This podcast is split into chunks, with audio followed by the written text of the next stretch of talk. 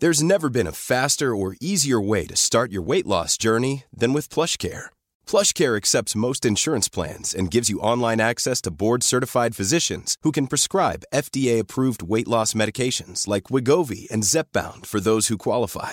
Take charge of your health and speak with a board-certified physician about a weight loss plan that's right for you. Get started today at plushcare.com slash weight loss. That's plushcare.com slash weight loss. plushcare.com slash weight loss. Hey, I'm Ryan Reynolds. Recently, I asked Mint Mobile's legal team if big wireless companies are allowed to raise prices due to inflation. They said yes. And then when I asked if raising prices technically violates those onerous two-year contracts, they said, what the f*** are you talking about, you insane Hollywood ass?" So to recap, we're cutting the price of Mint Unlimited from $30 a month to just $15 a month. Give it a try at mintmobile.com slash switch. $45 upfront for three months plus taxes and fees. Promo for new customers for limited time. Unlimited more than 40 gigabytes per month. Slows. Full terms at mintmobile.com.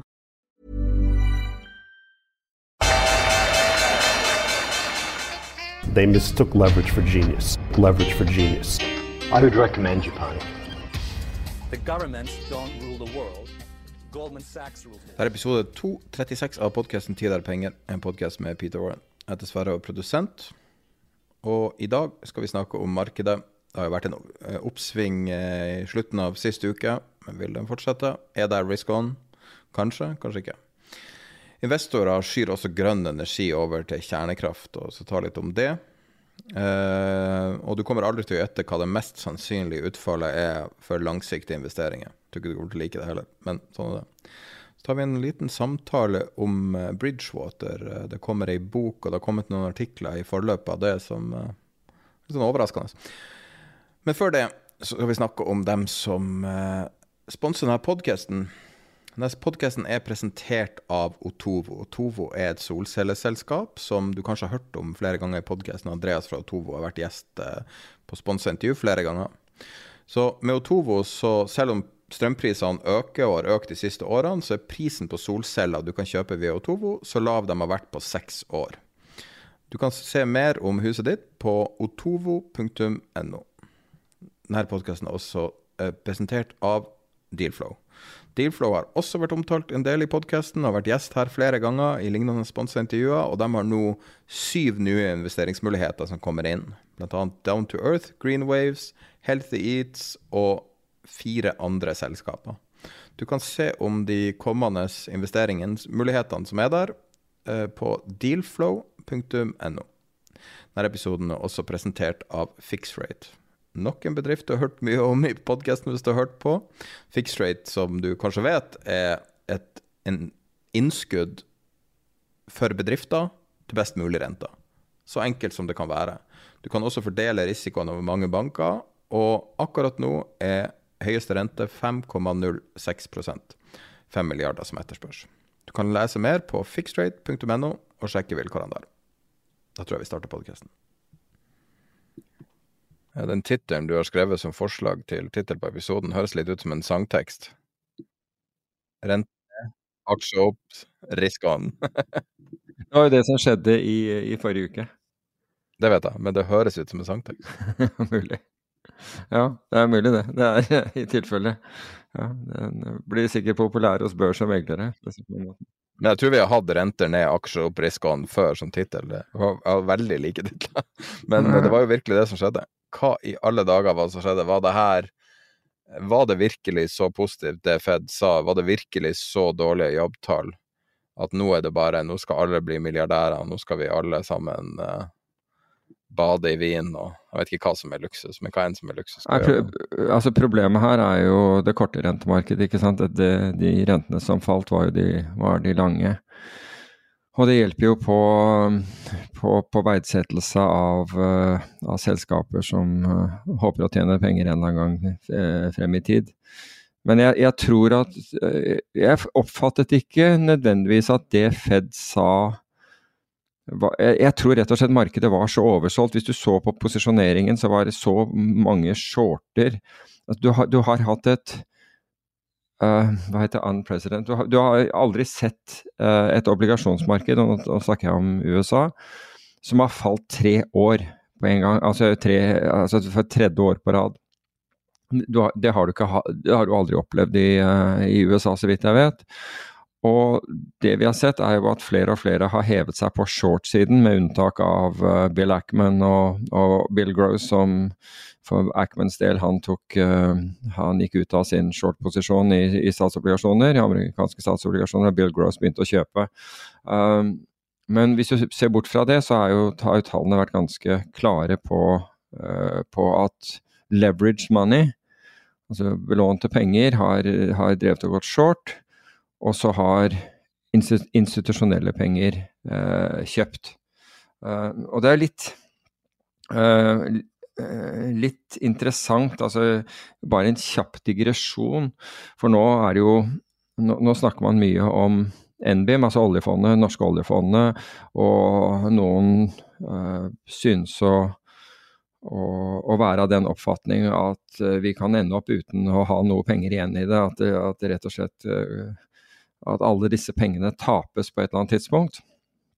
Men i forhold til handlingsregel, og i forhold til det de kan bruke altså Tenk deg hvis det er det Altså hvis, hvis man ønsker å sikre seg at oljefondet har penger til å levere 3 eller 4% i året, hva, hva, det måtte være, slik at, slik at det norske folk gjennom, gjennom staten kan, kan bruke oljefondet, så trenger du ikke å ta annen risiko enn konkursrisikoen på den amerikanske stat i øyeblikket. For det de kunne gå ut og gjøre, var bare rett og slett å kjøpe amerikanske statsobligasjoner.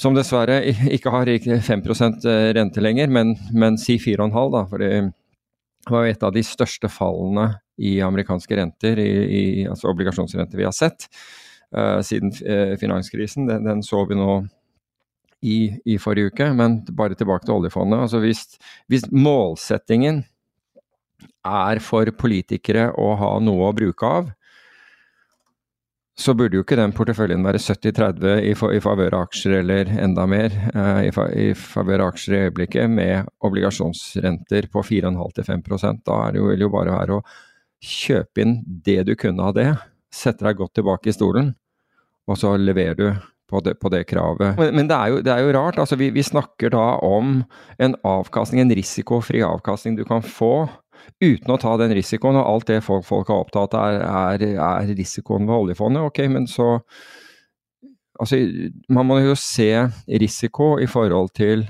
det man, det man ønsker å oppnå.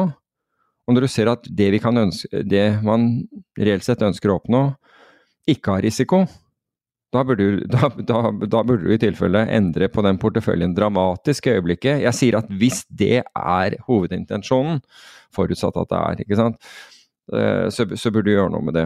Men tilbake til det mer mikro, da, det som skjedde i forrige uke, så tror jeg det er jo første gang du har sett svekkelse i arbeidsmarkedstallene. Jeg tror det var nesten, viktigere. Og det så ut til å ligge en forventning om det. For, eh, for, for hvis du ser på Eh, på det som skjedde i uken.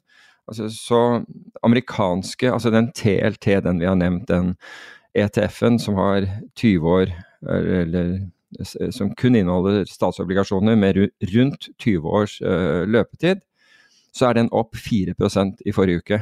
Sta, altså det er statsobligasjoner, mens Oslo Børs er opp 1,7.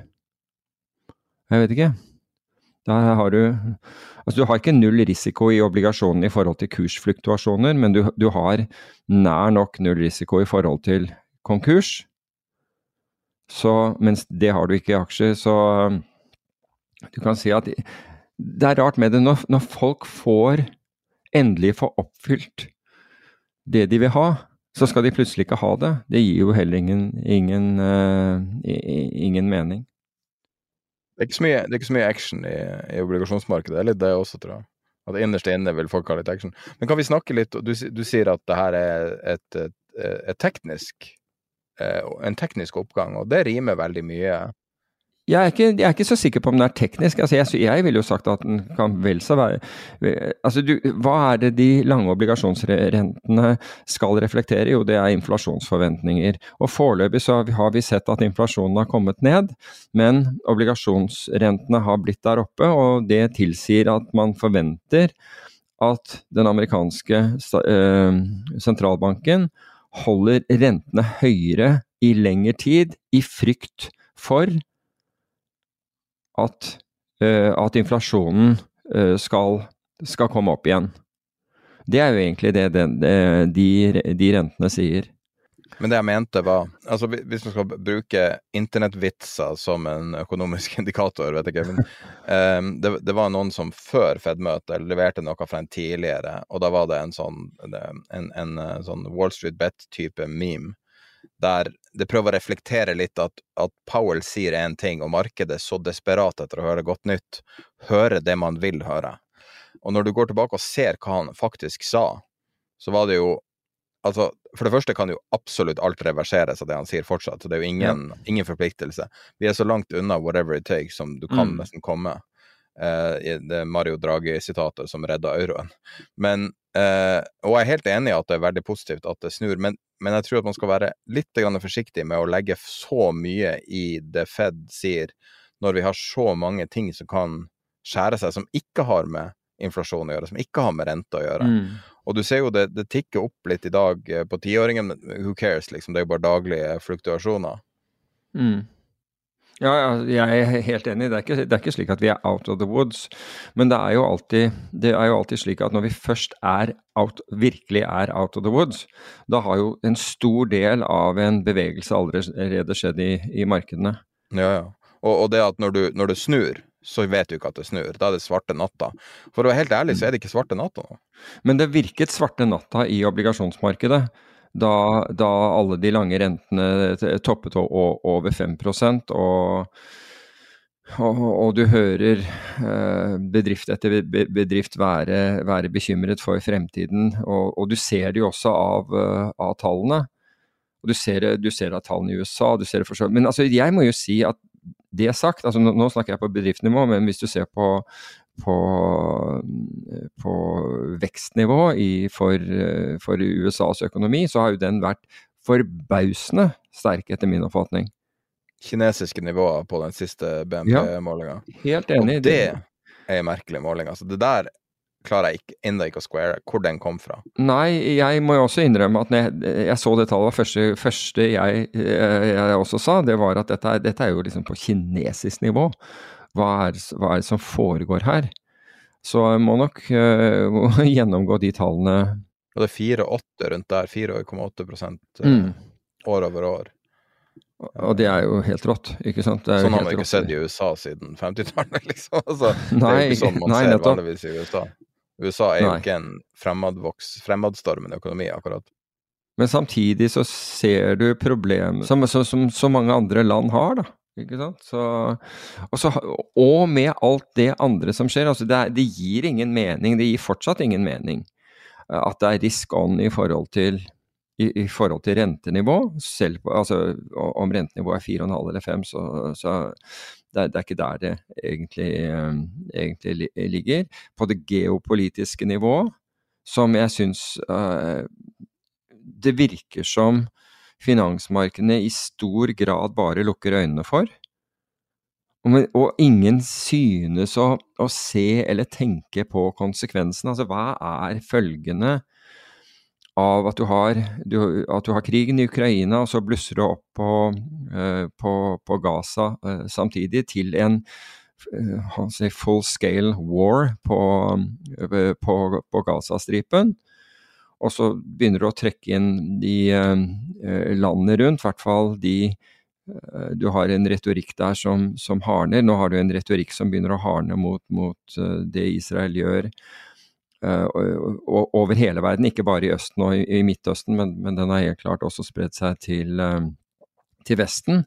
Men hvis du tar og løfter blikket fra, fra akkurat direkte fra, fra, konflikten og tenke hvem er, som, hvem er det som tjener på denne situasjonen som nå pågår, altså det at det eskalerte eller det at det ble en situasjon i Gaza.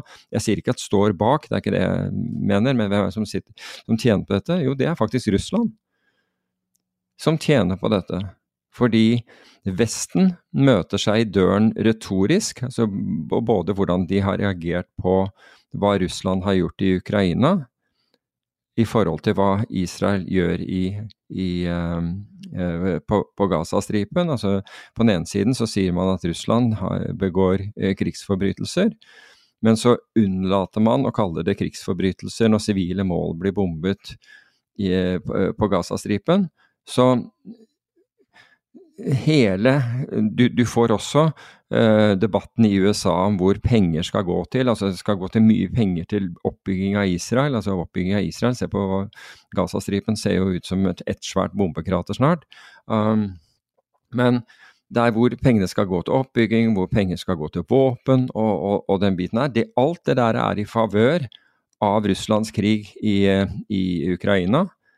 Og det lenger det tar, det mer usikkerhet vil, vil, det være for om amerikanerne, og sikkert andre også, har viljen til fortsatt å stå på.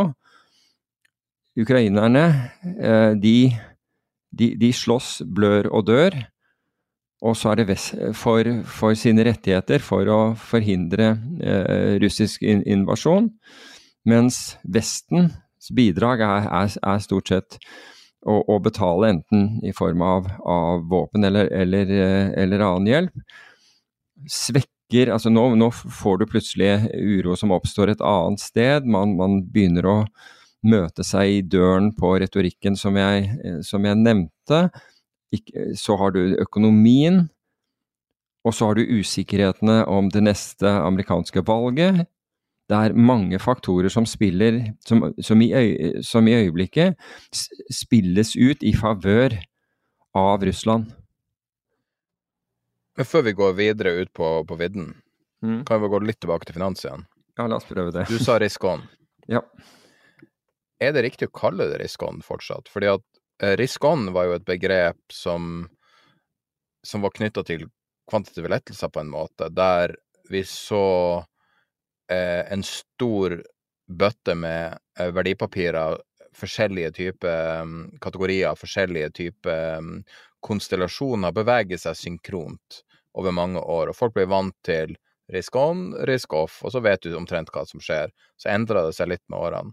Men nå når kvantitative lettelser er over, og snarere vi har quantitative tightening samtidig som renten har steget.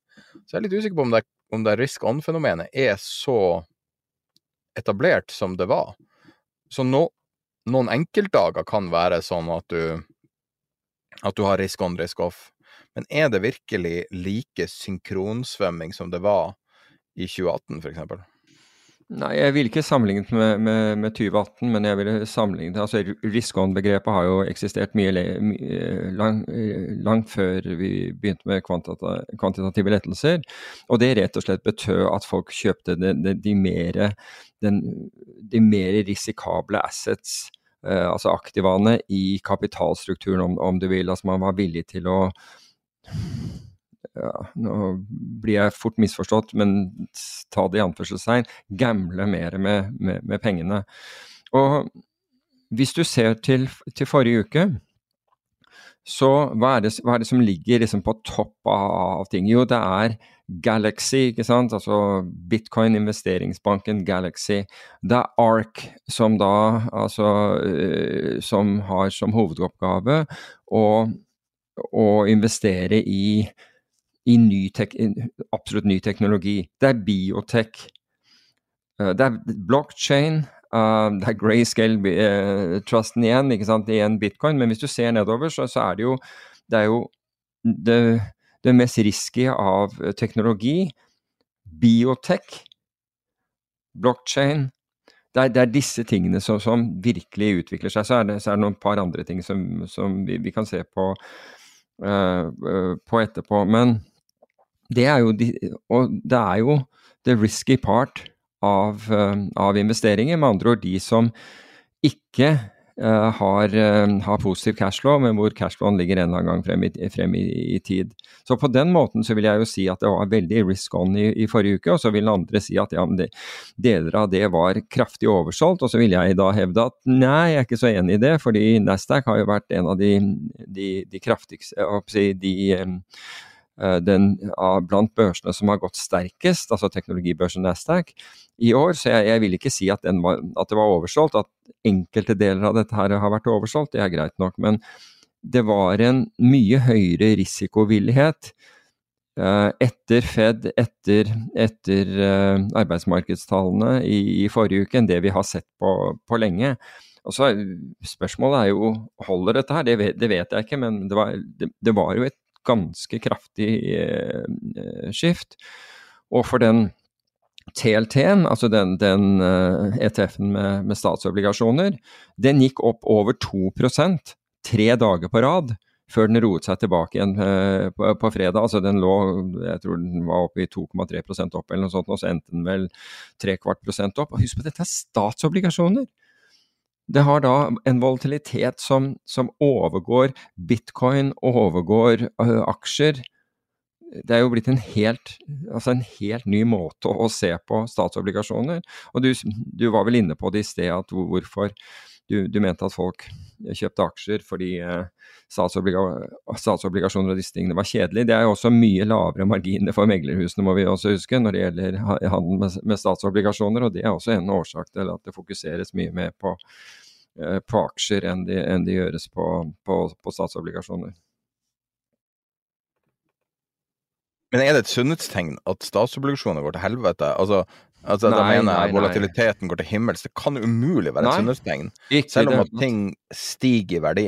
Nei, jeg er helt enig. Eller at rente faller i verdi. Altså, mm. det er jo det, nettopp det du beskriver, det er jo symptomer på noe mye, mye verre. Ja, altså jeg, jeg er enig med deg. Altså. Det at bitcoin er liksom flight to safety, det, det rimer jo ikke i det hele tatt. Ja, på sett og vis. Av og til så gjør det det. Jeg vil, ikke, jeg vil ikke bli sitert på å si at bitcoin er flight to safety, men for mange har det vært det. og Vi var inne på det forrige gang. Og det, og det ser du på disse landene som har hatt kraftig fall i, i valutakursene. Israel er en av de, de, siste eksemplene på det, men Tyrkia, Russland osv. Og, og, og, flere av landene i, i, i Sør-Amerika hadde jo klart å veksle pengene dine. Og for, for så vidt Norge også. Og så Se hva bitcoin har gjort i den perioden hvor, eh, hvor, dollaren, eller hvor kronen har falt 25 mot dollar. Jo, men det er ikke det jeg sier. Jeg bestrider ikke at det har steget i verdi. Selvfølgelig har det steget i verdi, mm. og for dem som har bitcoin, gratulerer, fantastisk. Du har slått de fleste i markedet. Men poenget er, hva betyr det når lang amerikansk statsgjeld eh, oppleves oppleve som en pennystokk? Mens bitcoin og andre ting som er ment til å være langt ut på risikokurven eh, og, altså, og, og eh, altså, det, det, bare er mer volatilt enn alt annet. Mm. At det er veldig vanskelig å forstå bevegelsene i det her proffe markedet. Sånn som jeg ser det, så er det her et symptom på en, en verre sykdom, og at vi har ikke sett konturene av det enda. Og at det er ting under overflata som vi ikke ser nå, som, som må ligge der og komme fram senere.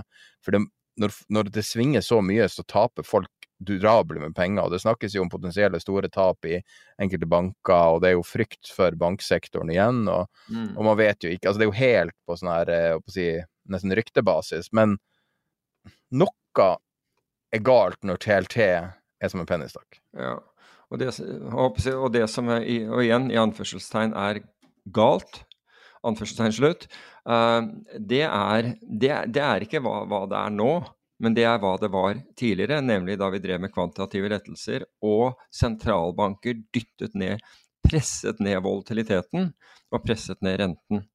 Det var det som var galt. Altså det som har På en måte så er det som har skjedd etter det, altså etter slutten av 2021, riktig, fordi du, du du hadde ikke plutselig en, et kapitalmarked som, hvor, hvor sentralbanker manipulerte eh, markedet. For før det så manipulerte man renten ned, og man, man manipulerte volatiliteten ned ved, ved, ved, stadige kjøp, altså presse på hele tiden. Så var sentralbanken inne. Det samme gjaldt hvis vi fikk en korreksjon i aksjemarkedet. De var tvert inne og, og, og dempet volatiliteten der også.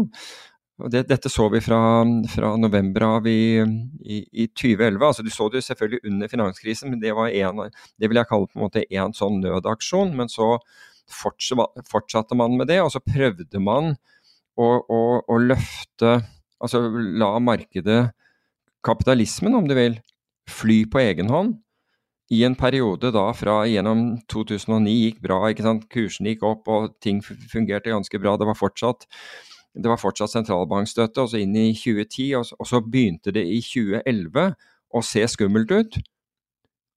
Og hva gjør da? Da kommer samtlige av de store sentralbankene jeg mener det var 30. november, eh, på banen og intervenerer i markedene. Så du kan si at det som skjer nå, er jo ikke noe annet enn en konsekvens og en reaksjon på sentralbankmanipulerte markeder i en periode av hva blir det, 13 år. Så, det, så du kan si at det På et eller annet tidspunkt måtte vi slippe det. Måtte vi la markeder få lov å fungere igjen.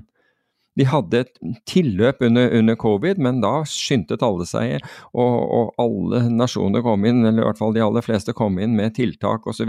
for å for å, å, verne om næringslivet, og de som hadde, de som hadde tatt mest risiko, ble, ble, vernet om, eller i hvert fall i mange tilfeller. Men det som har skjedd siden, er jo nettopp at du har latt markeder øh, forsøke å finne et ekvilibrium og la markeder finne ut av dette her selv. La markeder stabilisere seg selv. La markeder finne en verdi hvor til slutt kjøpere og selgere møtes, altså rett og slett finne den, den nye balansen, da. Du sier det, men Sør-Korea har gjort sånn som de gjorde i, i eh, 2008, og gjort shortsalg ulovlig igjen. Ja, så det. Og hvis ikke det er et sånt tegn, sånn potensielt startskudd på at ting akselererer i feil retning. Så historisk sett så har jo shortbanda alltid vært noe som skjer i de verste tidene. Hva er det Altså, og det at det er så populistisk nå å, å mane opp for at man skal forby shortsalg, som bredt ansett blant folk som vet hvordan markedet fungerer, sier det for, det for det første fungerer det ikke, og det kanskje fungerer mot sin hensikt. Mm.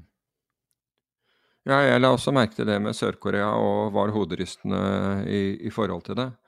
Um, og, og, det er jo da Men det Sør-Korea nå gjør, er jo, et, er jo det, egentlig det samme. Altså Der går myndighetene inn og intervenerer eh, slik at markedet får ikke bestemme prisen lenger. Og det har jo vært de i Norge som har Vi, vi snakket jo om Kjetil Jansrud, var det vel. Um, som ønsker å, å, forbud mot dette. Men, men jeg, vil, altså det, uh, jeg vil jo hevde at, at de forstår ikke uh, hensikten med shortsalg, og at shortsalg unngår Altså ved at du har shortsalg, så blir bobler mindre, rett og slett. Så det er jo en, en, nærmest en sikringsmekanisme. Altså Selvfølgelig så kan uh, alt misbrukes, og, og, det gjøres på begge sider av markedet, bare, bare, så det er sagt. Men jeg tror ikke det er noe mer utpreget at man, uh, at man bruker uh, shortsalg. Tvert imot så blir shortselgere ofte manipulert av de som låner ut aksjer, ved at de plutselig trekker tilbake utlånet og, og tvinger disse til å, til å, begynne å kjøpe igjen. Men jeg vil jo hevde at shortsalg, altså det at du har hatt shortsalg i, i, markeder som faller kraftig, så ved at du har tillatt shortsalg, så har du en gruppe investorer og en gruppe markedsaktører som er naturlige kjøpere i markedet for å ta gevinst eller for, for å dekke, dekke, shortene sine. Og det er da en, eh, en gruppe altså en, som du da ikke har i et marked som ikke har shortselling, og hvor du har hatt belåning, og hvor markedene krasjer fordi folk ikke klarer å, å stille, eh, stille, stille, sikkerhet for, for lånene sine, så de blir tvangssolgt ut. Og det er ikke kjøpere, fordi alle er på en måte i samme båt. Så, men vi trenger ikke å gå gjennom alle prinsippene av uh, av, av shortsalg her, men jeg mener at det er, det er skremmende hvis, hvis, vi begynner å komme hvis, hvis, vi begynner å bli der igjen, så, så vil det jo rett og slett si at kapitalmarkedene Altså det er fallitt. Kapitalmarkedene fungerer ikke uten, stim, uten at, uh, at skattepenger, skattepenger uh, brukes. Du vet, du vet, hva som skjer når du bruker anabole steroider? Jeg har aldri prøvd, så det vet jeg ikke. Men, men du vet Ja, men man Man kan vite noe uten å ha prøvd det, man kan lese om det. Ja, altså Det du får er- muskelvekst, vil jeg gå ut fra, eller performance enhancement. Ja, så du, du Mm. øker prestasjonen, du reduserer restitusjonstid, Mhm. fordi at du tilfører det hormonet som uh, du bruker til begge de to tingene, sånn at Mm. Uh, du får et mye høyere nivå enn du ville hatt naturlig. Du kunne ha oppnådd høyere nivå med å trene spesifikke ting, kosthold og sånn, men da får du det liksom akkurat som kuer, rett inn. Og eh, etter hvert når du har tatt anabole steroider noen måneder, noen år, så begynner de naturlige mekanismene i endokrinsystemet slutte å gå av seg sjøl. Mm. Så hvis du da stopper, så må du da weane deg sjøl av det. Altså, du må, du må trenere ned. Og den prosessen er veldig smertefull, og du opplever at du liksom ikke fungerer i det hele tatt. Igjen, jeg refererer bare til det jeg har lest. Men det er jo ganske sammenlignbart med anabole steroider, fordi at, og ingen vil gå den prosessen, og folk holder seg liksom i ti år kontinuerlig på, eh, på syntetisk eh, testosteron, fordi at de klarer ikke å akseptere den fallitten med å liksom gå tilbake til normalen. Men når du gjør det over tid, så vil du etter hvert gå tilbake til normalen. Og det er jo akkurat det samme som skjer i finansmarkedene, og vi kommer til å se det samme igjen og igjen. Folk kommer ikke til å akseptere å tape penger, uansett om det bare er nominelt å inflatere ytterligere med å trykke mer penger. Selvfølgelig kommer det til å skje igjen. Det har jo skjedd de siste fire-fem nedturene.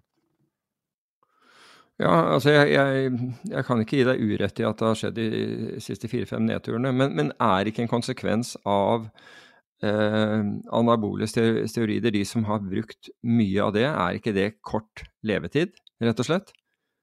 Fordi, rett, fordi kroppen, altså hjertet og, og andre deler av kroppen, tåler, tåler ikke? Ja, det er jo veldig vanlig at de dør når de er 40.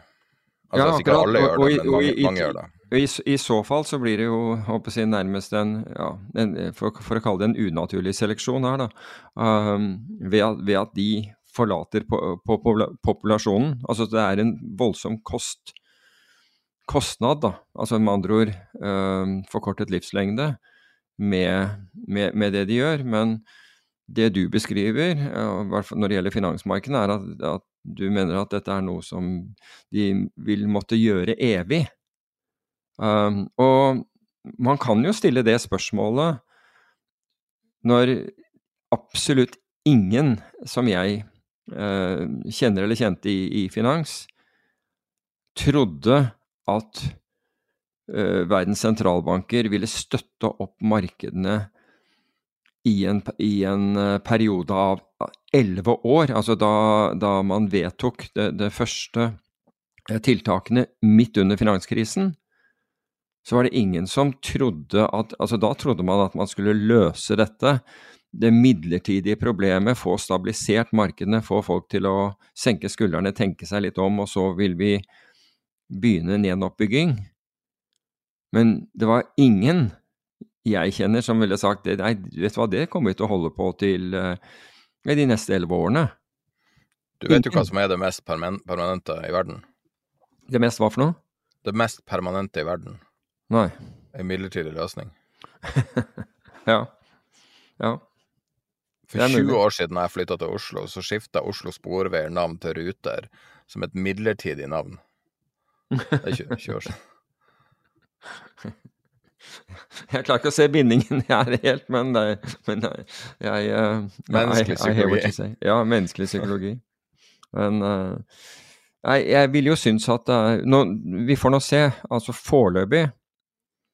Og jeg tror, jeg tror Jay Powell ble spurt om dette for mange måneder siden. Det hadde ingenting med, med Fed-møtet nå å gjøre. Men det er vel flere måneder siden han ble spurt om hva som skulle til for at eh, Federal Reserve intervenerte i markedene, altså med andre ord eh, foretok seg noe, noen, noen intervensjoner for enten for eh, å stoppe fallet i statsobligasjoner eller, eller for å stabilisere aksjemarkedet. Og han sa vi er ikke i nærheten av noe slikt. Men det er klart at en sentralbanksjef kunne på, den- annen side ikke sagt at jo, du, det, det drar vi i gang med på, på tirsdag. Det, det, det sier seg selv. Så dette er markedenes sjanse til på en måte å finne, finne ekvilibrium, finne et nivå man kan bygge fra. Finne et nivå, Men altså, vi har jo ikke funnet et nivå. Hvis du ser på verdsettelser, så er de, så er de faktisk veldig høye fortsatt. Altså verdsettelser av, av, av selskaper. Så det er ikke som om det er ikke som om det reflekterer den renteoppgangen som har vært. Det reflekterer noe av den, men ikke i nærheten av den. Altså tvert imot. Apropos Korea, forresten. Hvorfor de har innført short, eh, shortforbud når ingen andre har det. Vi har jo en lytter som bor i Korea, mm. og jeg spurte han om, eh, om eh, Eller han bor vel, alternerer litt, og Norge og Korea, tror jeg. Men, eh, og da spurte jeg liksom hva er greia, hvorfor har Korea For jeg vet at det, det er mye rart i det businessmiljøet i Korea. Det er jo ofte noen få familier kontrollerer nesten hele landet osv. Og, og da sa han at uh, hver, altså 25 av aksjer er eid av retail, og i Norge er det vel 10 om lag. Så han sier at uh, alt som gjøres som motvirker uh, aksje, aksjeoppgang, da, alt som, som mistenkes at presser aksjene nedover, eh, prøves å stoppes. Ok, det ante jeg ikke. Jeg vet derimot at high frequency-tradere eh, tjener veldig mye eh, penger på å, å, stille priser, altså som marketmakere, å stille priser i, eh, i Sør-Korea. Spesifikt sa han at det var veldig upopulært, altså. Hva da? High frequency. Ja, men altså, de er jo marketmakerne. Noen må jo være marketmakere i det markedet òg. Så, ja, men jeg bare sa altså, det han sier, at folk er bevisst på det. Det kan, det kan godt hende at det er upopulært, men de tjener mye penger der borte, i hvert fall. Det, det, vet jeg. Og det kan jo også være det at markedet er som det er. Jeg vet ikke. At det er uh, Hvis det er såpass mye retail i, i markedet. Jeg vet ikke. Men det er, det er et populært marked å, å, å, være i. Jeg tror det er sånn regulatorisk krevende å komme inn i. for Jeg snakket med en, en uh, i Miami om dette for et par par år siden. Og, og han sa at de, de, hadde, de, hadde, da klart å få license og alt mulig sånn, og, og, og etter en veldig lang, eh, veldig lang eh, periode. Men i forhold til hvor lang tid det tar å få en konsesjon i Norge, så er det kanskje ikke, så er det kanskje ikke målbart. Hva vet jeg. Er du bekymra for matvareproduksjon? Um, nei eh, det er liksom så mange shortager. Nå er det shortage av så, Jeg vet ikke hva det heter på norsk. Shortage. Mangel. Mangelvare. Mangel på. Ja, mangel på. Eh, på sukker.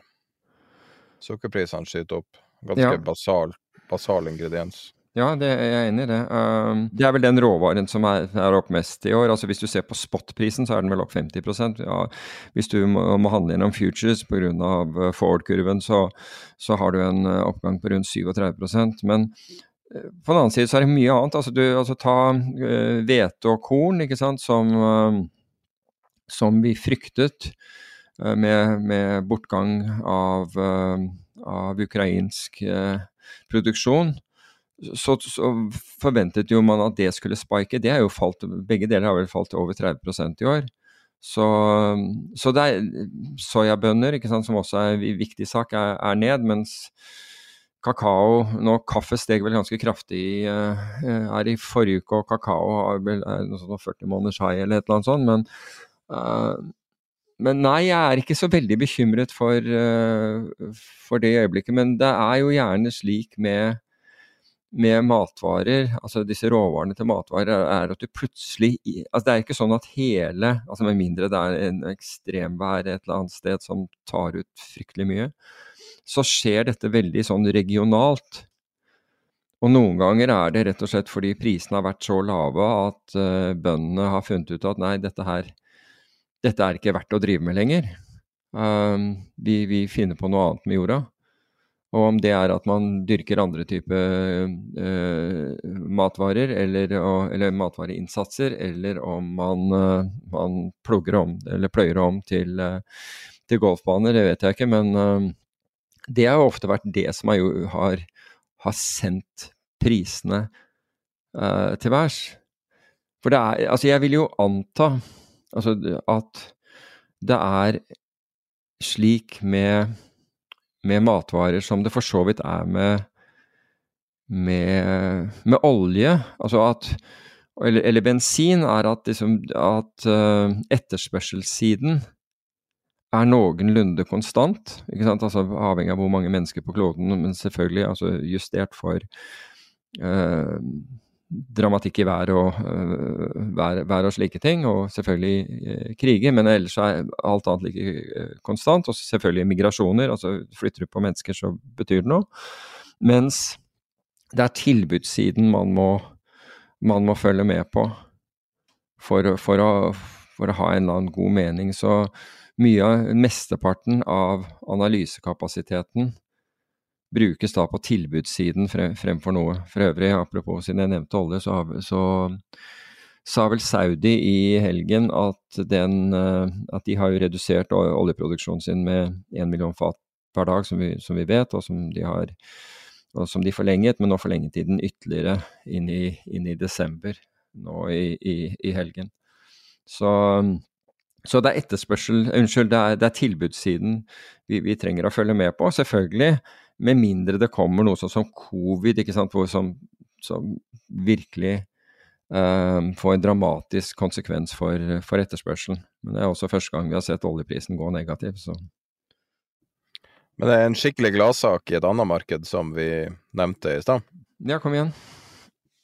Selskapsobligasjoner, som er det mest gammeldagse markedet man, man har, omtrent, eh, er nå i hvert fall for investment grade, er nå 50 eh, elektronisk handel. I Europa er det ikke det, og så er det 41, 41 på high yield. Det er jo skikkelig gladsak, da. Der ja. folk har fighta for å få de her inn på systemet. Ja, bortsett fra Men ikke i Norge.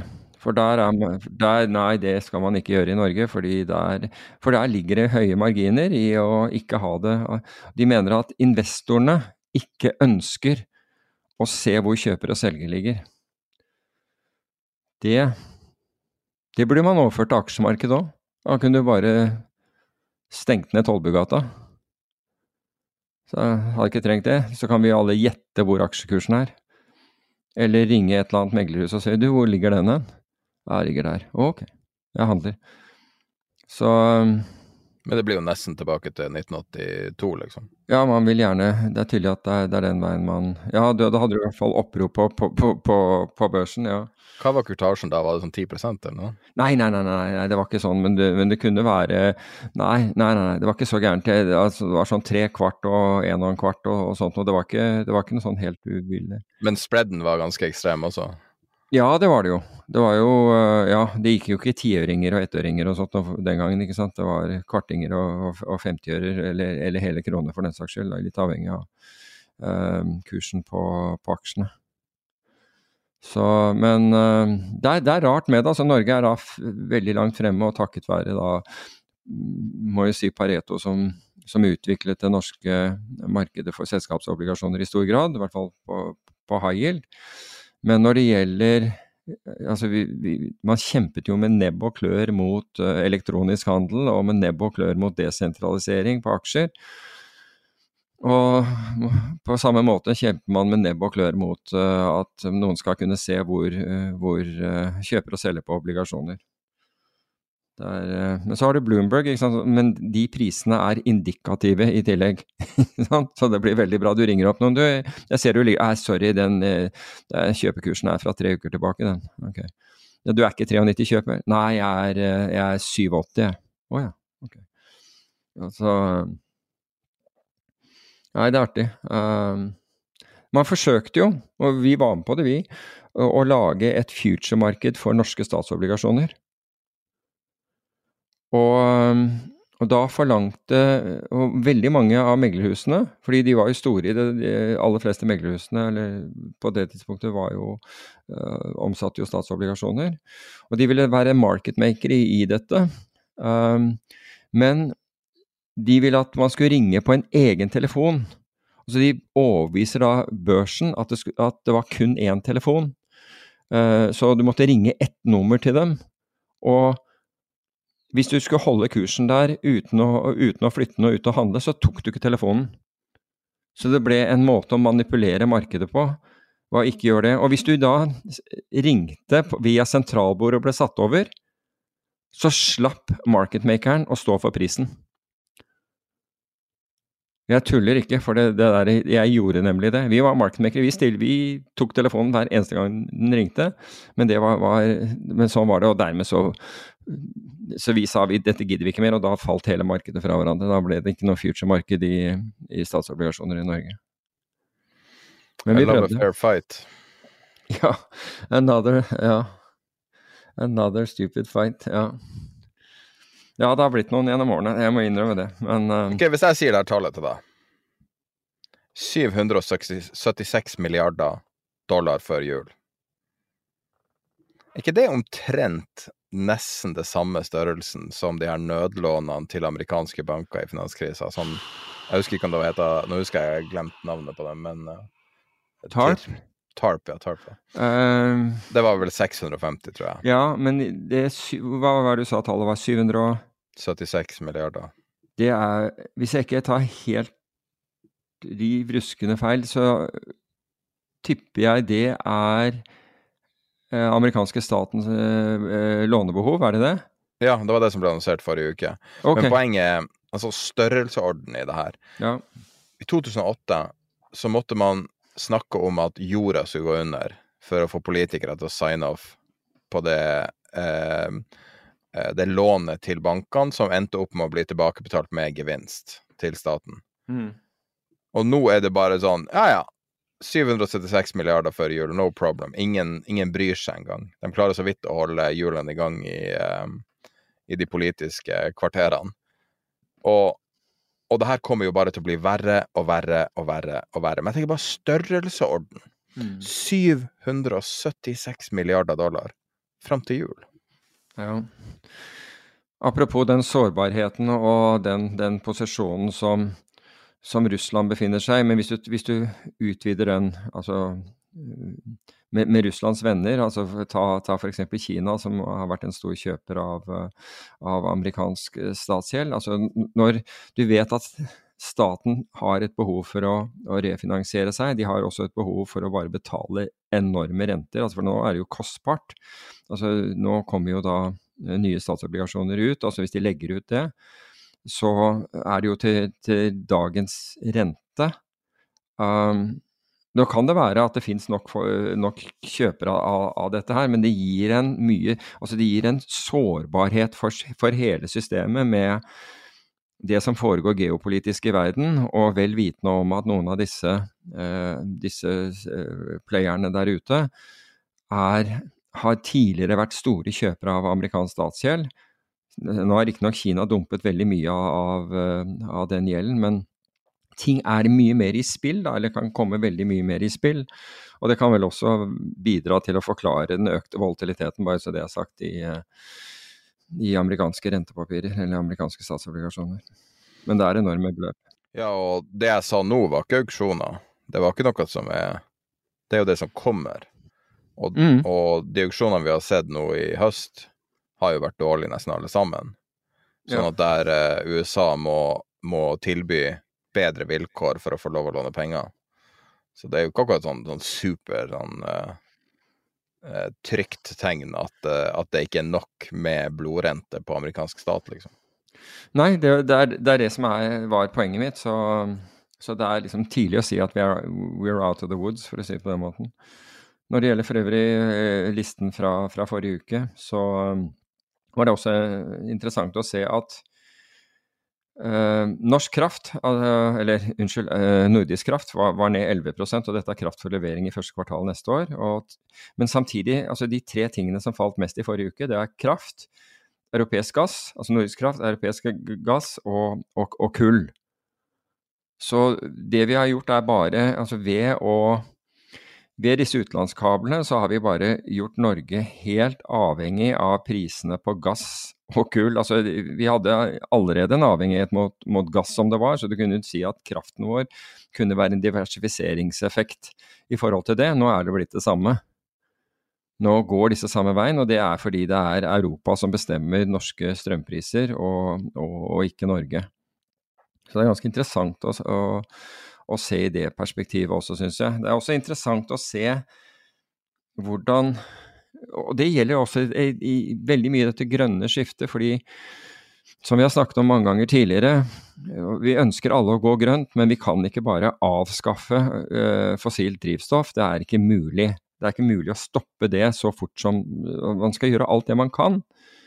Men de som står og skriker høyest om dette, det er jo ikke de som driver annen Det er jo ikke de som uh, er avhengig av dette for å produsere varer, for å bidra til vekst i samfunnet og i næringslivet.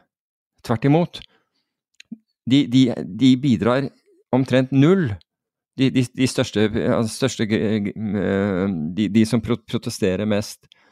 Og det samme er det når det gjelder strømpriser, ikke sant. Der, eller, eller, andre skatter. Du, du, ser den enorm sånn polarisering. Det er de som syns at det er greit, det er de det ikke betyr noe for. De har ikke noe vested interest i det, for det koster dem ingenting.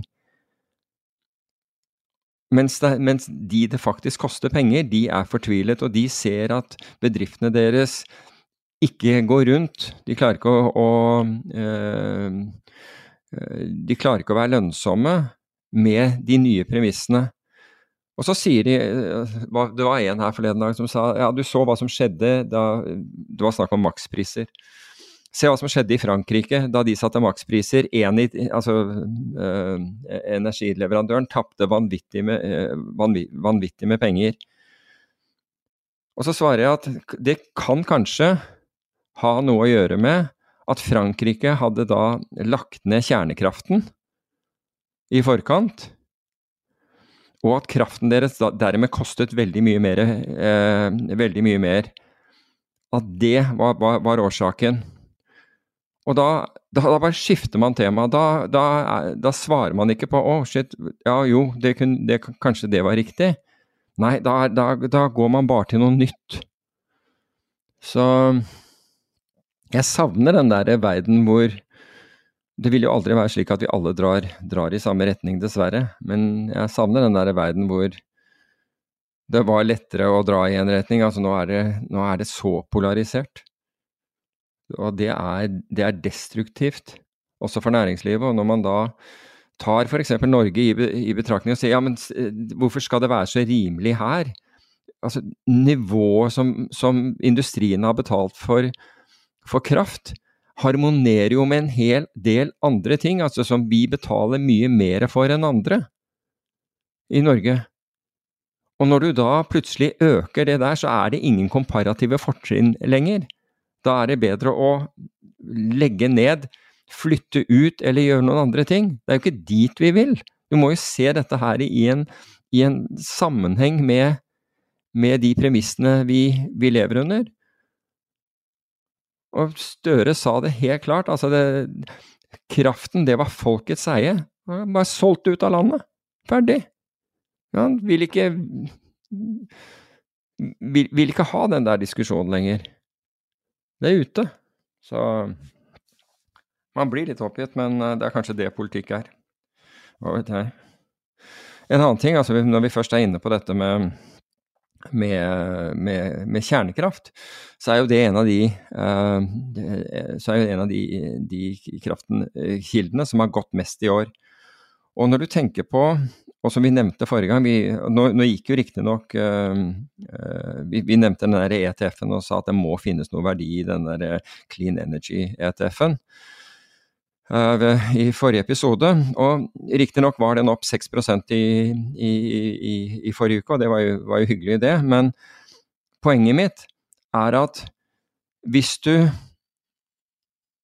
hvis du lager, og jeg, jeg laget den grafen, jeg har lagt den inn, og det er mulig at du kan sende den ut med, med nyhetsbrevet, som viser utviklingen i år på kjernekraft, altså ETF-en, altså den børsnoterte, øh, børsnoterte, fondet som du kan kjøpe som en aksje, som da inneholder øh, uran, altså til bruk i, i, kjernekraft. Og så har jeg sammenlignet den, så har jeg en grafe på, på, på samme med utviklingen på den ETF-en for ren energi. Og de har aldri vært lenger fra hverandre. Og det er slik at den ene, altså denne uran-ETF-en, er opp over 30% og Clean Energy-ETF-en er ned 30% Det er gapet sitt, det. Gapet mellom disse to har ikke vært så, så stort noen gang. Så um, Jeg vil jo ikke si at vi er, vi, er på, vi er på, rett vei her. Altså. Og det er kanskje noe man burde tenke på. og det virker nå som, og det snakket vi om sist gang, at, at investor bare liksom dumpet alt innenfor for ren energi. Men det var hyggelig å se at man fant, man fant verdi i noe da, med den 6% oppgangen som den ETF-en hadde, hadde i forrige uke. Når man ser på finans generelt og investeringer, så er det jo liksom én ting som er på en måte opplest og vedtatt. At du burde sitte langsiktig, tenke langsiktig.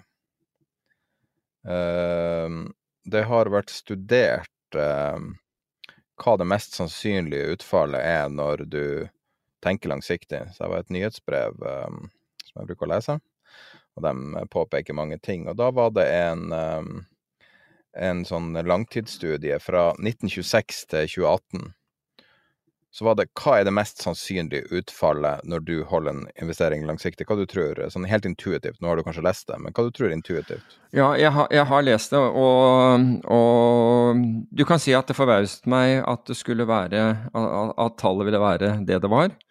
Um, men samtidig så er det jo slik at de fleste bedrifter altså går gjennom faser og, og går fra, fra, en sånn lønnsomhetsfase til at de ikke blir lønnsomme, til de blir direkte ulønnsomme og, og forsvinner.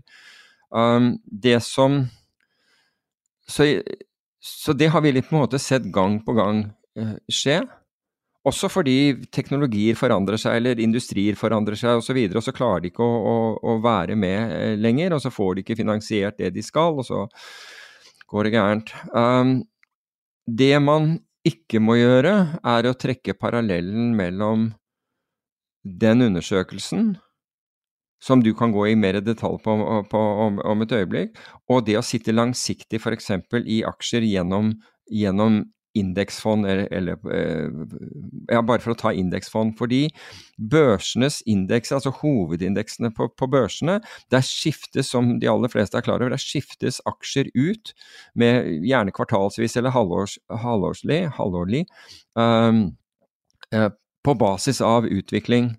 Og det gjør at det er veldig, veldig sjelden at en av aksjene i en sånn indeks plutselig, altså, plutselig går, går, til null, da, for å si det på den måten, at selskapet går helt over ende. Det, det, kan skje, men det er veldig sjelden det skjer. og det er da, Du har da mange andre selskaper i indeksen som, som sørger for at, det, at uh, indeksen er noenlunde, noenlunde robust. Så det er jo på en måte den viktigheten med å ha indeksnære ting. Men hvis du bare går og kjøper deg enkeltselskaper, og det er det denne, denne undersøkelsen eh, viser, at det kan være det mest suksessrike enkeltselskapet, men over tid så vil den gå til, og nå kan du komme inn. Minus 100 Min, Minus 100% Så hvis du ser på indeksen, eh, altså ser på eh, børsoppgangen siden 1926, så er det 4% av selskapene som står bak den. Hmm i undersøkelsen. Så hvis du skal bare se på sånn, bare tolke grafen, så hvis du bare skal ha 200% oppgang i den perioden, buy and hold, så er du nesten nede på ingenting. Altså bare, bare 200% oppgang. Fordi at de aller fleste går under. Og å finne noe som tidobler seg, som er sånn Å, å finne en tenbagger, det er jo liksom drømmen til mange. Det er så ekstremt statistisk usannsynlig. Mm. Og de siste årene har jo det vært mulig til en viss grad, men det er rett og slett ikke normalen. og veldig mange av tenbaggerne er jo tilbake til minus 100 Bare se på WeWork nå, som, eh, ja. som har vel eh, Om de har eh, Jeg tror det er chapter 11 nå, men det er jo forventa at det kan bli chapter 7-konkurs, altså fullt on konkurs. Um, og det er jo bare to år siden de har vært 70 noen milliarder dollar, så Eller prøvde å bli verdsatt av det. Og uh, altså, det, det, er så mange i historien. Altså, selskaper som Apple og Google kommer ikke til å leve evig, hvis historien uh, er til å tro på. Noen få selskaper overlever, men de aller fleste gjør ikke det. De aller fleste selskaper lever i noen få år, og så 50 år maks på de aller sånn skikkelige suksesser. Det er bare en del av naturen, så det er liksom grei ting å ha i bakhodet, og definitivt slår et stort slag for indeksinvestering der du ikke trenger å ta stilling til enkeltselskaper. Og det er jo nettopp det. Det er så vanskelig å slå indeksen. Ingen klarer å gjøre det, liksom. Det er sånn ingen i anførselstegn. Og da er det kanskje bedre bare å eie indeksen direkte, er ikke det det? Jeg vet ikke. Bare gamble på landet i stedet for å gamble på selskapet. Jo, jeg tror for de aller, aller fleste at det er det. Um, og en ting som, uh, som historien uh, har vist, da, altså, og, og, recent history, er jo at at norske altså vi, vi ser på indeksen, og den er vel opp 8% eller et eller annet sånn hittil i år, men det betyr at kjøpekraften din, altså i og med at valutaen har falt så mye som den har gjort, så er du i minus på året når det gjelder internasjonal kjøpekraft. Så det går jo tilbake til altså den der tiden hvor Norge pga. olje og alle de råvarene vi har, har en sterk valuta og en sterk børs og alt mulig sånn. Altså det, det er blitt visket ut disse siste to årene.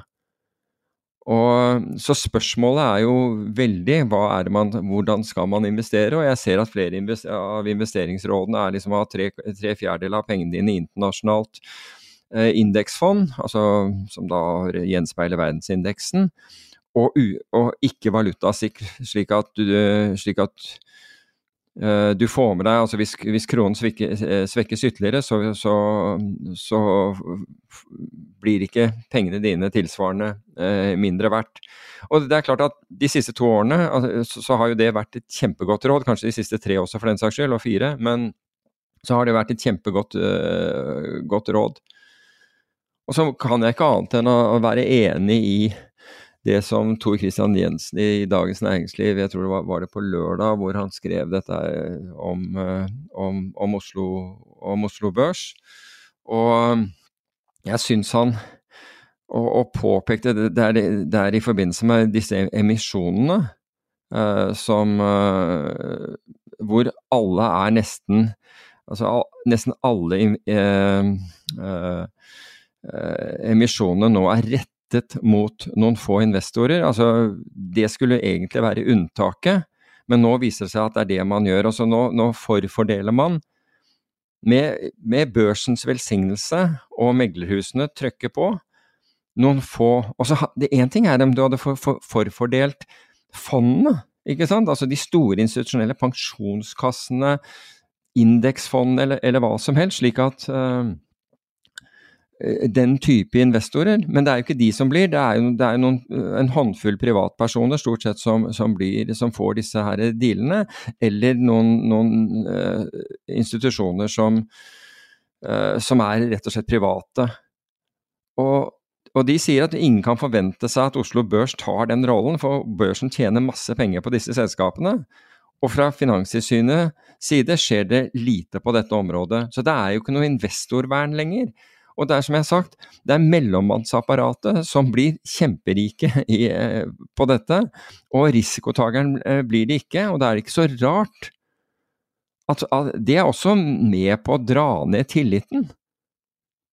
Og du kan si at skal du, skal du, skal du da drive og investere på Oslo Børs som, hvor de ikke bryr seg om fair and orderly market i det hele tatt. Det er ikke det det handler om. Det handler om for profit, for børs, for, for meglerapparatet, for advokatstand osv. Det er det det går i. Tenk deg om vi hadde fått inn SPAC, da. Altså Special Purpose Acquisition Companies, altså som, som, det var i hvert fall minst ett av advokatfirmaene i Oslo som, som, som, ønsket, men som Finansdepartementet heldigvis holdt igjen på. En SPAC, så samler du inn penger. Altså fond. Du, du, gir en, du, gir penger til, til en såkalt en forvalter som da putter pengene dine på, på rentebærende konto. Og det er jo veldig bra. Helt inntil uh, man finner et selskap å kjøpe for disse pengene. Men finner jeg et selskap å kjøpe for disse pengene, og investorene syns at dette høres smart ut, så skal jeg ha 20 av dette selskapet. Ikke 20% av oppsiden, ikke 20% av at jeg har tjent penger for deg. Jeg skal, bare, jeg skal ha 20% av hele greia. Av hovedstolen. Dette syns man var en god idé. Det er jo bare helt utrolig. Um, det er rett og slett bare helt utrolig. Men heldigvis, akkurat der holdt eh, Finansdepartementet igjen. Men er, poenget mitt er, er, litt mer sånn filosofisk. Hva er konsekvensen hvis man stadig altså det, det er jo hvis du leser Financial Times eller Dagens Industri eller noe sånt, så det er jo ikke sånn, går ikke på enkeltpersoner hvor rike de er, hvor mye de har kjøpt eller hva de har kjøpt, og nå har de solgt. Nei, det var det jeg tenkte når du sier For det her var jo en leder i DN, og DN skriver jo masse om enkeltinvesteringen til enkeltpersoner. Jeg har aldri skjønt hvorfor det er så interessant. Ja, det er, det er jo liksom ikke tema i Financial Times eller noen, noen av de andre. Finans i Norge har, blitt en sånn, har jo blitt en sånn delvis se og hør, delvis, del, delvis økonomi og delvis finans, ikke sant? Og hvor uh, hvor, hvor, man skriver om helt andre ting. Og, men nå, nå, skal ikke jeg sette meg til doms. altså Hvis det er det investorene vil ha, så må jeg gjerne gjøre det. Og hvis investorene har lyst til å gi, gi almisser til, eh, til eh, disse som, eh, som, som, får store fordeler hele tiden, så må de gjerne gjøre det. Det er et, et fritt, fritt, land og et fritt marked, og, det, og helt opplagt ser du det. Men det er jo ikke riktig at rettede emisjoner skal være hovedregelen. Det, det, det gir jo ingen mening. Altså, la oss, la oss, ikke være for hellige her heller. En emisjon skal hente ny kapital til et firma. Mm. Og hvis det her er måten man må gjøre for å få det til, så er det greit. Selvfølgelig er det greit. Altså, man kan ikke, reglene er det de er. Men det du etterspør nå, er at man, man har mer retningslinjer som ikke gjør retta emisjoner eh, så enkelt, og, og at hvert det blir defaulten, at emisjoner skal være en viss demokratiserende effekt for å bli spredd rundt for investorer. Er det det du ber om? Ja, det er det jeg mener. Og du, og du kan si at det som skjer med disse emisjonene, disse rette emisjonene, de går til, gjerne til altså, betydelige rabatter for de som tegner seg, og rabatter som veldig mange andre av, av investorene i det samme selskapet, altså som er investert i selskapet, også kunne tenke seg. Men de blir da får, beskjed om at ja, de kan kanskje gjøre en re, reparasjonsemisjon senere, men da har noen andre klart å få disse aksjene før deg og kan flippe de rett ut igjen, ikke sant? slik at hvis det kommer til din tur, så er det en dårlig pris. Fordi da har markedet justert seg ned til, ned til, dette nivået, så det er ingen fordeler lenger. Hvem er det som har de her ideene om retta emisjoner og reparasjonsemisjoner? Det er jo meglerhusene som, som, velger å gjøre det på den måten. Ja, selvfølgelig. Det er meglerhusene som gjør det på, på, på, på den måten. Så de er interessert i hvem er det sin interesse de beskytter? Er det seg sjøl, eller er det sine nei, største kunder? Nei, jeg, her er det to ting. ikke sant? Altså, de, de, det ene er smøring, rett og slett smøring av sine beste kunder. Og det er jo sikkert lurt å, å, å gjøre, sett ifra fra deres ståsted. Og det andre er at det er lett å gjennomføre, fordi de liksom ringer opp de stort sett de samme og sier du, og du får denne her rabatten på whatever det er, ikke sant. 10% 20% eller hva som helst, ikke sant. Og så sier de her ja, det høres bra ut, ikke sant. Jeg tar den, ikke sant. Jeg får sikkert flippa den der. Hvor mange av de er det som er langsiktige investorer i disse, i disse selskapene i ettertid? Mange, ikke sant. Det er veldig få av dem. Men jeg, jeg, skjønner fra de investorene som får denne fordelen, for all del, jeg skjønner godt at dere tar den, at det er jo en gavepakke. Hvem, hvem vil ikke ta den? Ja, og jeg skjønner meglerne også. Jeg vil ikke. Altså, så lenge det her er above board, ja, hvis du tenker kortsiktig De skal være på begge sider. Ja, det er det som er problemet. ikke sant? De skal være på begge sider. De skal tenke på bedriftens ve og vel også. Og det å få masse pissed off investorer som, ikke, som ble forsmådd og ikke fikk, fikk, del i dette her, er det så lurt for selskapet, da? Ja, men jeg tenker Man må bare ha regler som Ja, men det er det jeg sier. Altså, Det skal jo være unntaket og ikke, og ikke hovedregelen at, at, å gjøre rettede emisjoner. Og hvorfor går ikke dette til aksjefond og de store institusjonelle investorene som sitter med disse aksjene år ut og år inn, som ikke har tenkt å flippe dette her fordi de, er, de har langs, virkelig langsiktige motiver. Gi de da rabatten isteden. Det er et godt poeng. Altså, jo, altså, det her kunne jo vært et regelverk.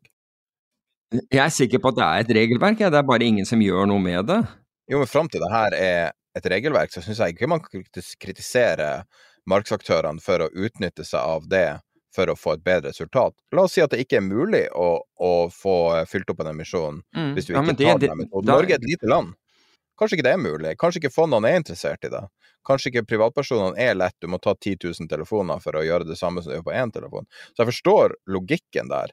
Altså Moralsk er noe annet, og når du snakker om markedet som helhet, så er jo ikke det en enkeltmegler sin oppgave. Det er jo tilsynet og direktoratet og Oslo Børs og alle sammen på en måte alle andre enn megleren. Megleren kan jo ikke klandres for å gjøre det som gagner han og hun. Ja, Det kommer litt an på hva, hva, som er regelverket og hovedregel. Ja, men Det kommer an på hva som er hoved, hovedregel der, eh, syns jeg. Og at, at, man har klart å tøye og tøye og tøye og tøye dette her i Norge, Ja, Greit nok, men er det riktig? Nei, det er ikke nødvendigvis riktig. Er, er det noe vi burde liksom ta opp til debatt og tenke litt over? Hvor er Aksjespareforeningen og disse her Aksje-Norge og sånt noe i, disse, i, i denne samtalen? De burde jo vært, vært, på banen. Og på, på, samme måte, det burde jo antageligvis også Verdipapirfondenes forening være også, fordi Verdipapirfondet burde jo fått sin andel av, av, av, dette. Og da, altså hvorfor ikke spre det der mer demokratisk enn på noen hender? Og jeg tror ikke det at det er vanskeligere å få Altså med de rabattene som du, som du leser om nå, hvorfor skulle det være vanskeligere å få institusjonelle penger til det? Hvis de først er interessert i, i selskapet, hvis de først er investert i selskapet. Men jeg er enig, men det er ikke deres ansvar å spre det ut demokratisk? Ja, men det er vel deres ansvar, også deres ansvar at selskapet går godt, og ikke får en hel haug av misfornøyde aksjonærer. Men de jobber jo for selskapet i en emisjon. Så de kun, deres jobb er å skaffe pengene, nye penger inn. Og spesielt da i klimaet akkurat nå, så tror jeg selskapet er fornøyd nesten uansett vilkår. Ja, men hør her. Hvis de aksjene, hvis, hvis det som skjer, skjer med en sånn rabatt at, at, resultatet er at dette bare flippes rett ut igjen, da betyr det jo at det flippes til noen andre som faktisk kunne tenke seg å, å ha dem. Ja, men da er ikke argumentet der at det ikke fins penger i Norge. Nei, men poenget er ikke det. Da fantes de pengene. Men du, du snakker om hvem, hvem, er det som man skal klandre her? Du må jo klandre Altså, don't hate the player, hate the game. Jeg, jeg klandrer, jeg klandrer, klandrer børs og, og, og tilsyn, jeg. Enhver aktør i markedet er jo opptatt av sine egne interesser. Ja, men jeg, jo, jeg, jeg, klandrer meglerne litt, for jeg tror ikke det er i markedets interesse over tid. Det er, det er den der vanvittig kortsiktige fokusen som gjør det. Men, men, jeg er helt enig, det er ikke meglerne som er hoved, hovedskyldig i dette her. Det er, det er, jeg helt enig i. Fordi de ser hva, hva, som, hva markedet tillater, eller hva myndighetene tillater, og sier ok, da prøver vi litt til. Ja, det gikk også, da prøver jeg litt til. Spillet er det det er. Reglene forandres over tid men det er det det er. Så lenge noe er tillatt, så er det greit. Selv om det kanskje moralsk ikke er greit. Men det jeg spør, eh, spør, om, og det tror jeg også er det som, eh, som DN uh, mente å spørre om, det er er det faktisk tillatt? Er dette faktisk tillatt å gjøre at det, det blir, altså at man bytter til at det blir hovedregelen? Og det har det hadde jo vært ålreit om, om å, å, høre Finanstilsynet svare på det, f.eks. De har vært invitert flere ganger. Åpen invitasjon til å stille opp i podkasten med spørsmålene på forhånd og alt mulig. De har takka nei flere ganger. Så. Ja. Men, eh, men jeg, altså, jeg oppriktig vil høre deres side of the story. Og eh, uten noe eh, frontalangrep fra deg. Ja, ja, det, men, det, eh, for, det, for det, burde det. Men de ønsker ikke og, å gjøre det. Så. Og det vil være fair om de gjorde. Altså, de skal selvfølgelig få anledning til å fortelle. Men er ikke det Finansdirektoratet som vil skrive sånne regler? Tenker du på fin Finansdepartementet nå, eller? For det er jo de ja, som Ja. Ja, direktoratet. Jeg mente departementet. Ja. Jo, altså det, jo, det, altså lover og regler skrives ikke av Finanstilsynet, det skrives av uh, Finansdepartementet. Men det er jo da Finanstilsynets uh, rolle å håndheve, så vi får se. Men det er, godt, det er et godt tema du tar opp, virkelig. Altså, nå har jo Finanstilsynet slått veldig hardt ned på udekka shortsalg tidligere. En av de sakene de har mm. hatt som sine viktigste saker de siste ti årene. Du, der, der, var det for, for, øvrig Det var en, eh, en som spurte om det på, på, Discord. Skal jeg forklare hva udekket shortsalg er, bare bråfort? Ja. Ok, Udekket shortsalg altså, det er ikke tillatt i Norge. Uh, og, det, det, er ikke tillatt i, veldig, i de fleste land. Og Det vil si at du selger en aksje på børs som du ikke eier, uten å ha lånt den inn på forhånd. Og så kan du si hvordan går an å selge den? Jo, du, du, kan selge den, og så kan du ta sjansen på at ikke dette blir oppdaget før du skal levere aksjen. Slik at du kjøper den inn. Du kan, du, kan, gjøre et udekket shortsalg i løpet av en dag, f.eks. Um, og det, det, går an hvis et meglerforetaks uh, uh, handelssystem ikke oppdager at du, at du, ikke har den på At du ikke sitter med den aksjen på konto. og Det kan det kan sikkert skje hvis du har kontoen din hos en annen megler osv. Og, så videre, og er en bona fide investor. Men det er udekket shortsalg. Det du skal gjøre, er å låne inn aksjene på forhånd via, via et meglerforetak. Altså at du har fått beskjed om at ja, du, vi har lånt 10 000 aksjer i et eller annet til deg, da kan du gå og, og selge dem. Så udekket er at du ikke har det. Du kan jo si at du kan gå udekket short på en måte hvis du kjøper deg salgsopsjoner, for det er ingenting som krever at du sitter på aksjen på, på forhånd. Um, du må stille sikkerhet, men, uh, men da vil du ikke være short før du eventuelt innløser innløser den salgsopsjonen din. Så hvis du har gått short på, med, med, en innløsningskurs på 100 og aksjen befinner seg på 80, så, og du holder den opsjonen til forfall, så vil du da ha Da vil, vil, vil du ha solgt den aksjen på 100, og idet den forfaller, så må du da gå og kjøpe den aksjen tilbake. Altså Da må du bare gå, rett og slett gå og kjøpe deg de aksjene. så La, la oss si du var short 10 000 aksjer, så går du og kjøper 10 000 aksjer på børs for, for levering samme dag som uh, opsjonen forfaller, og da vil de matche hverandre, de to, de to handlene, og du vil ikke være udekket short. Så du skal låne inn før du, før du, uh, før du går short. Så det var den. Vi, vi, har et, uh, nå Før vi runder av, så vi, hadde vi et hedgefond-tema. Men jeg foreslår at vi endrer det til en annen tematikk innenfor hedgefond, som vi diskuterte i morges. Eh, jeg har lyst til å snakke bitte litt om Bridgewater. Mm. Verdens største hedgefond. Ja. Og det er Jeg eh, har, har alltid hatt en følelse av at bare det var et eller annet ullent med det. Så personlig ikke spesielt stor fan av Ray Dalio fra før av, men har aldri satt meg inn i det noe. Bare var imponert over at det var så svært, og så syntes det var litt rart med den der eh, ekstrem ærlighetsstrategien de har internt, at du skal kunne diskutere alt mulig. Og så litt sånn tilfeldig så begynte jeg å lese på en Vanity Fair-artikkel. Jeg legger ved den artikkelen og den andre referert til også som link i podkasten, Som beskriver hvordan James Comey, som da var senere ble eh, FBI. leder for FBI, ja, mm. han som uh, var veldig innblanda i valget i 2016, der han ble ansatt og fikk 70 millioner kroner i året i lønn for å drive en slags sånn intern etterretningsavdeling. Jesus. Når jeg leste det her greiene her, så tenkte jeg det her er kødd hele greia er jo Det her er jo det her det høres 70 ut som millioner i lønn? Ja, 7 millioner dollar. Jesus. Og, og han sprang rundt, og, og, han Altså, jeg kjøpte boka til James Comey. Jeg hadde lyst til å ha han som gjest, men etter jeg leste noen sider i den boka der, så bare måtte jeg Da ba jeg om refund fra Audible. altså, det, må, det er dritvanskelig, men det går an å få refund av bøker på Audible. Også, for det var jeg vet jeg har gjort det selv. Mm. Det var så merkelig. Han skrev en sånn krimroman, men glem det. Og så jobba mm. han i, i Bridgewater, da, og sånn her Vanity Fair-artikkelen beskriver hvordan han jobba, hva han drev med. Og det virker så jævla Mikke Mus. Og hele greia bare får meg til å tenke på scientologi når jeg leste det der. Mm. Bare, det, her, det, her, virker som en kult. Og så sendte jeg linken til deg, og så, så begynte jeg å lese, og så henviste du til en New York, uh, York Times-artikkel også. For jeg begynte mm. å google med en gang resultatet, tenkte jeg. Men det, det var en lytter som gjorde meg oppmerksom på. ja. Ja, og så med det her sinnssyke resultatene, så må det jo altså det her sinnssyke systemene deres, så må jo resultatene deres være helt astronomiske. Jeg har aldri satt meg inn i resultatene. Og så kom jeg over den New York Times-artikkelen, og så sa du at du hadde lest den, og at den var veldig dekkende. da. Mm. Og og den er lang, og den er dyp, men du kommer inn i hvordan de tenker og alt sånn. Og vet du hva, når jeg leste de der to sakene om han, og den følelsen jeg alltid hadde med Bridgewater, at det var noe som ikke helt rimte, og du ser at alle de her hedgefondstjernene, alle sammen, ja, faen, hvordan i helvete er det de tjener penger? Så får jeg litt følelse av at det er noe så rart i Bridgewater, og at det her tror jeg kan bli mer av. Altså, jeg sier ikke at det det er sånn Bernie Madoff-aktig, men det hans latterlig store fokus på sikkerhet, og når du hører hva det er de egentlig beskytter, så virker det jo som at de beskytter at han sier, som den der tegneserien er, at det er liksom veldig komplekst headfond, og så sier han long gold. Altså, det virker nesten som det er sånn det fungerer, og at hele greia er en eneste stor PR-bløff, sånn at han skal se ut som et geni.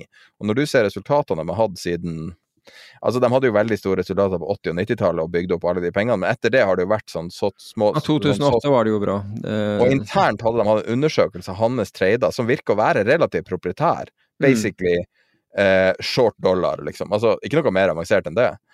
Og så, og så hadde de gjort en undersøkelse av hans trader internt, og så hadde de visst det fram til, til Ray Dalio. Eh, og så hadde, han, hadde, de sagt at ja, det her er like bra treffsikkerhet som myntkast. Og da i denne bedriften som han bygger opp og sier nei, alt må være så mye ærlighet, og alt skal ut Altså private e-poster der folk er på datingtjeneste, alt skal ut i lyset, liksom. Som en helt sånn absurd måte å drive en bedrift på. Og så får han servert da at han ikke kan trade, at han bare basically driver myntkast.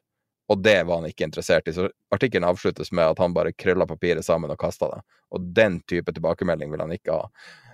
Og, og når du ser det her, så tenker du deg hvor mye krefter som står bak at New York Times skriver en sånn artikkel, og at Vanty Fair skriver en sånn artikkel. Mm. Jeg tror det er noe som brygger her nå. Altså Det som bygger, det er jo en bok, og den kommer ut i morgen, bare så det er sagt, um, om, om, Bridgewater. Det er jo, men, men, tror du ikke det Er ikke det noe som ikke rimer med denne historien? Altså, jeg vet ikke Altså, det er helt åpenbart at de hadde en, en veldig eh, spesiell kultur der, og en sånn kultaktig greie. Og det bekreftet Eileen Murray da jeg hørte henne snakke eh, på, på en konferanse i Miami for jeg tror det var tre år siden nå. Og hun ble jo senere buta ut, altså med, og, og, det står jo om henne i en av de artiklene, og helt sikkert veldig mye mer i, i, i boken. For hun, jo, hun, ble jo sjef der etter at Dalio Eh, Dalio eh, sluttet. Eh, sluttet som administrerende direktør. Men det, altså jeg hører jo hva disse, disse, disse hedgefond-gutta sier, men poenget til det som Bridgewater gjorde og sa, altså opp gjennom årene, det var Eh, det var rett og slett at de satte sammen porteføljer, altså rett og slett ris risikoparitet. Og Det vil si at eh, aktiva-klasser skulle matche hverandre. Altså du kan si i, i, i, eh, i, betydning, så du kan si at hvis aksjer handlet med med 20% volatilitet, og, og, obligasjoner handlet med, med, med 5 volatilitet, så vil du firedoble, eh, altså gire obligasjonsporteføljen din, slik at du kom opp i slik at den fikk samme betydning i hele porteføljen. Og det er klart at det fungerer veldig bra i et marked hvor volatiliteten faller og rentene faller. Så fikk du eh, eh, Altså, det er ikke noe rart at du får mye ut av det. Og det er heller ikke noe rart at du ikke ser fryktelig mye handler fra Bridgewater i markedet, fordi hvis de går og kjøper aksjeindekser, enten i form av alle aksjene i indeksen eller eller i, for, i, i forhold til future-kontrakter, og gjør lignende ting på obligasjonsporteføljen, så har de ikke enorm et enormt behov for å gjøre transaksjoner. Så du kan forklare veldig mye med det, og du kan også da forklare hvorfor det ikke har gått bra, særlig etter at øh, volatiliteten øh, steg og rentene steg. Fordi da, du, da må du liksom dumpe uforholdsmessig mange obligasjoner for, øh, for å oppnå denne risikopariteten. Tenk deg det her problemstillinga. Tenk at alt er i orden. Det kommer to av de mest profilerte magasinene og avisene mm. på jorda, og ei bok. Og det er 100, eller sist jeg hørte det, 130 milliarder dollar i hedgefondet. Hva mm. skjer med markedet hvis du likviderer plutselig at, at eh, glansen går av Bridgewater, og de her eh, Saudi-pengene og Kina Han har jo tydeligvis mm. veldig mye kinesiske penger, angivelig. Og hvis skinen går av han, at glansen går av han, og det likvideres, og det blir en liten run på fondet, som definitivt kan skje når en person går fra å være liksom uh, forguda, og så plutselig kommer det sånne motangrep. Hva vil skje med markedet da? Er ikke det så stort at det her kan ha en reell markedseffekt? Jo, det vil nok ha en markedseffekt, men du må også huske på at det er ikke noe daglig innløsning i Bridgewater. Så de har god, god tid på å forberede det hvis det, hvis det kommer. Det, det, er mye verre hvis du har månedlig innløsning f.eks., og, og så blir la oss si 30 av fondet ditt innløst. Da, da sliter du, ikke sant. Da, da, kan du virkelig slite. Men det er en litt annen greie med, med, med Bridgewater. Så vi får, vi får, se hva som kommer ut av dette. Men Dalio har aldri Altså, han har jo vært veldig klar på tankene sine om forskjellige ting, og det være seg dollar som du nevner, eller aksjemarkedene eller andre aktiva klasser. Og så, og så, er det dette med, med, med, risikoparitet, som sørger da for at du har like At, at du er eksponert likt på, på de forskjellige eh, temaene, eh, basert på hvor, hvor, volatile de er. Så jeg vet ikke, og i, i, et av disse eksemplene, jeg tror det var i eh, skal vi se, det var Vanity Fair, New York Times-artikkelen, så øh, kom, var det Kasakhstans oljefond inn og ville plassere 15 millioner dollar med dem. Og så takket de, de, nei for det. Og Det er ikke så rart, fordi jeg var i, i kontakt med Bridgewater på tidlig på 2000-tallet. Og dette var mye senere enn det, og da var faktisk minimumsinnskuddet 20 millioner dollar. Jo, men du må jo fullføre historien, da. Så måten det ble solgt inn internt og for så vidt eksternt nok til at denne historien er blitt kjent, mm. det, det at det de sa nei, vi vil ikke ha pengene dine, vi vil lære mer om din business. Og det som ja, jeg, jeg så det. Sitt, da, var jo på en måte at de får da et sånn unikt innsyn i eh, tilbud eh, på olje. Men, men, det som jeg lurer på, når man setter det litt i kontekst, da, så lurer jeg på om på en måte, Hvis du tenker deg at det at han har skrevet bok og laga kurs og alt mulig Han har brukt veldig mye tid på å bygge myten om seg sjøl. Mm. Som er relativt sånn Noen gjør det, men, men, det er ikke så vanlig, og i hvert fall ikke den skalaen Ray Dali har gjort. Så spørsmålet er Det her lukter litt som altså Jeg mener ikke at det er en bløff i den grad at, at, det er, at, det er, at han ikke har gjort handlene. For det har han selvfølgelig gjort, vil jeg, vil jeg tro. For Noe annet ville være helt skandaløst. Men uh, men jeg tror at myten er bygd litt rundt på å bygge han opp som et sånn unikt geni som ikke engang vil ha penger inn, som bare vil ha kunnskapen inn. Det er jo veldig mye som er bygd rundt de her, eh, de her enorme mengdene med data som de diskuterer, mm. og måten de diskuterer, og så den her vanvittige overvåkinga. Ja, ja den, den, virker jo helt vanvittig. Jeg, jeg er helt enig med deg. Tenk deg nå hvordan uh, Renaissance har. De er jo kjent for at de overvåker altså i den grad at de holder folk utenfor. Man har jo aldri hørt en historie om at folk blir overvåka internt i, eh, og jeg tror ikke det er så mye gjennomløp av folk der. Så. Og så har du der the inner circle, bare ti ansatte får vite hva som er the secret sauce til investeringen. Og det, det høres jo veldig likt ut som Bernie Madoff. Altså, de hadde jo liksom det der egne etasjen som faktisk visste hva som skjedde. Altså, jeg har aldri hørt om et annet fond som har liksom en sånn inner circle. Bare, det her er det vi egentlig gjør. Hva kan det være? Altså, finans er jo ikke så avansert. Så det kan jo ikke være noe de har. Og, og de sier jo også det, det faktum at uh, i, i, den Jeg er litt sånn grep av den New York Times-artikkelen. Men der sier de en kar som kommer inn, sier han ja, det er så rart, for de bruker Excel fortsatt. De sa at det var så usofistikert handlinger også, i verdens største fond. At, at, han hadde ikke sett det på ti år, liksom. Mm. Og så kommer han inn i verdens største fond, og så er de liksom på gammelmåten de gjør alt. Jo, men kanskje de Altså, det er så enkelt. Det er aksjer og obligasjoner, og det, er, det kan være at det er noe, noe råvare, og det er eh, Og det er dollar. Jeg, jeg vet ikke, men uh, Elaine Murray var veldig klar på at Bridgewater var ikke for alle. Uh, og at på ingen måte var, var, det slik at alle ville, ville, ville passe inn der. Det var, det var hun veldig det var hun veldig klar på. Altså, det, det er en hemmelighet når, når folk er nominert til ting eh, i kåringer på internett, så er det den som promoterer mest, som vinner. Men jeg syns Så det er jo liksom Skal vi promotere at du er nominert til årets spare- og investeringsprofil av Nordnett eller ikke? Fordi at med å promotere så vil vi selvfølgelig drive litt stemmer der, men jeg føler at alle andre gjør det, så du må jo også gjøre det. Så må man se hvem som, eh, hvem som har mest push bak seg. Du er nominert eh, sammen med Hvem var de andre som var Har du det foran deg? Nei, jeg har det, har det ikke foran meg. Men, uh, men, du kan si at jeg Jeg må jo si at jeg både var uh, overrasket og, og ydmyk over, uh, over, den nominasjonen. Jeg hadde, jeg hadde virkelig altså, jeg må innrømme, Det er vel første gang de lager denne prisen, det, det skal sies. Og det var ikke som om det var noe man satt og, og lurte eller, eller, ventet på. Men men det var jo hyggelig. Uh, du sier som en sånn sann sånn Oscar-nominert person. Ja. Oh, ja. Det eneste som betyr noe, er å bli nominert. ah, sånn, ja. Nei, ja, det var ikke det, men altså, det var bare svært uventet. Uh, så, men, men, veldig hyggelig. Det var det jeg ville si. Jeg syns de er flinke å velge ut. Jeg kan ta de seks nominerte. Ja, kom igjen. Moneypenny Norge. Det er da to kvinnelige finfluensere, kaller de seg. Jenny og Beate. Mm. Og så er det en eh, Peter Chester Warren som er investor og podkast-vert. eh, jeg har ikke hørt om Else Sundfør, hobbyinvestor og finfluencer. Og så har du Holbergfondene. Eh, eller Holberg-grafene spesifikt, da, med Tormod Vågenes. De er jo legendariske, de grafene til eh, Holberg. Ja, veldig fine. Og så syns jeg også at uh, de to siste er veldig Jeg syns de har vært veldig flinke å velge ut, egentlig. Så Thomas Nilsen er jo fondsforvalter som uh, han er jo litt finfluenser, han også.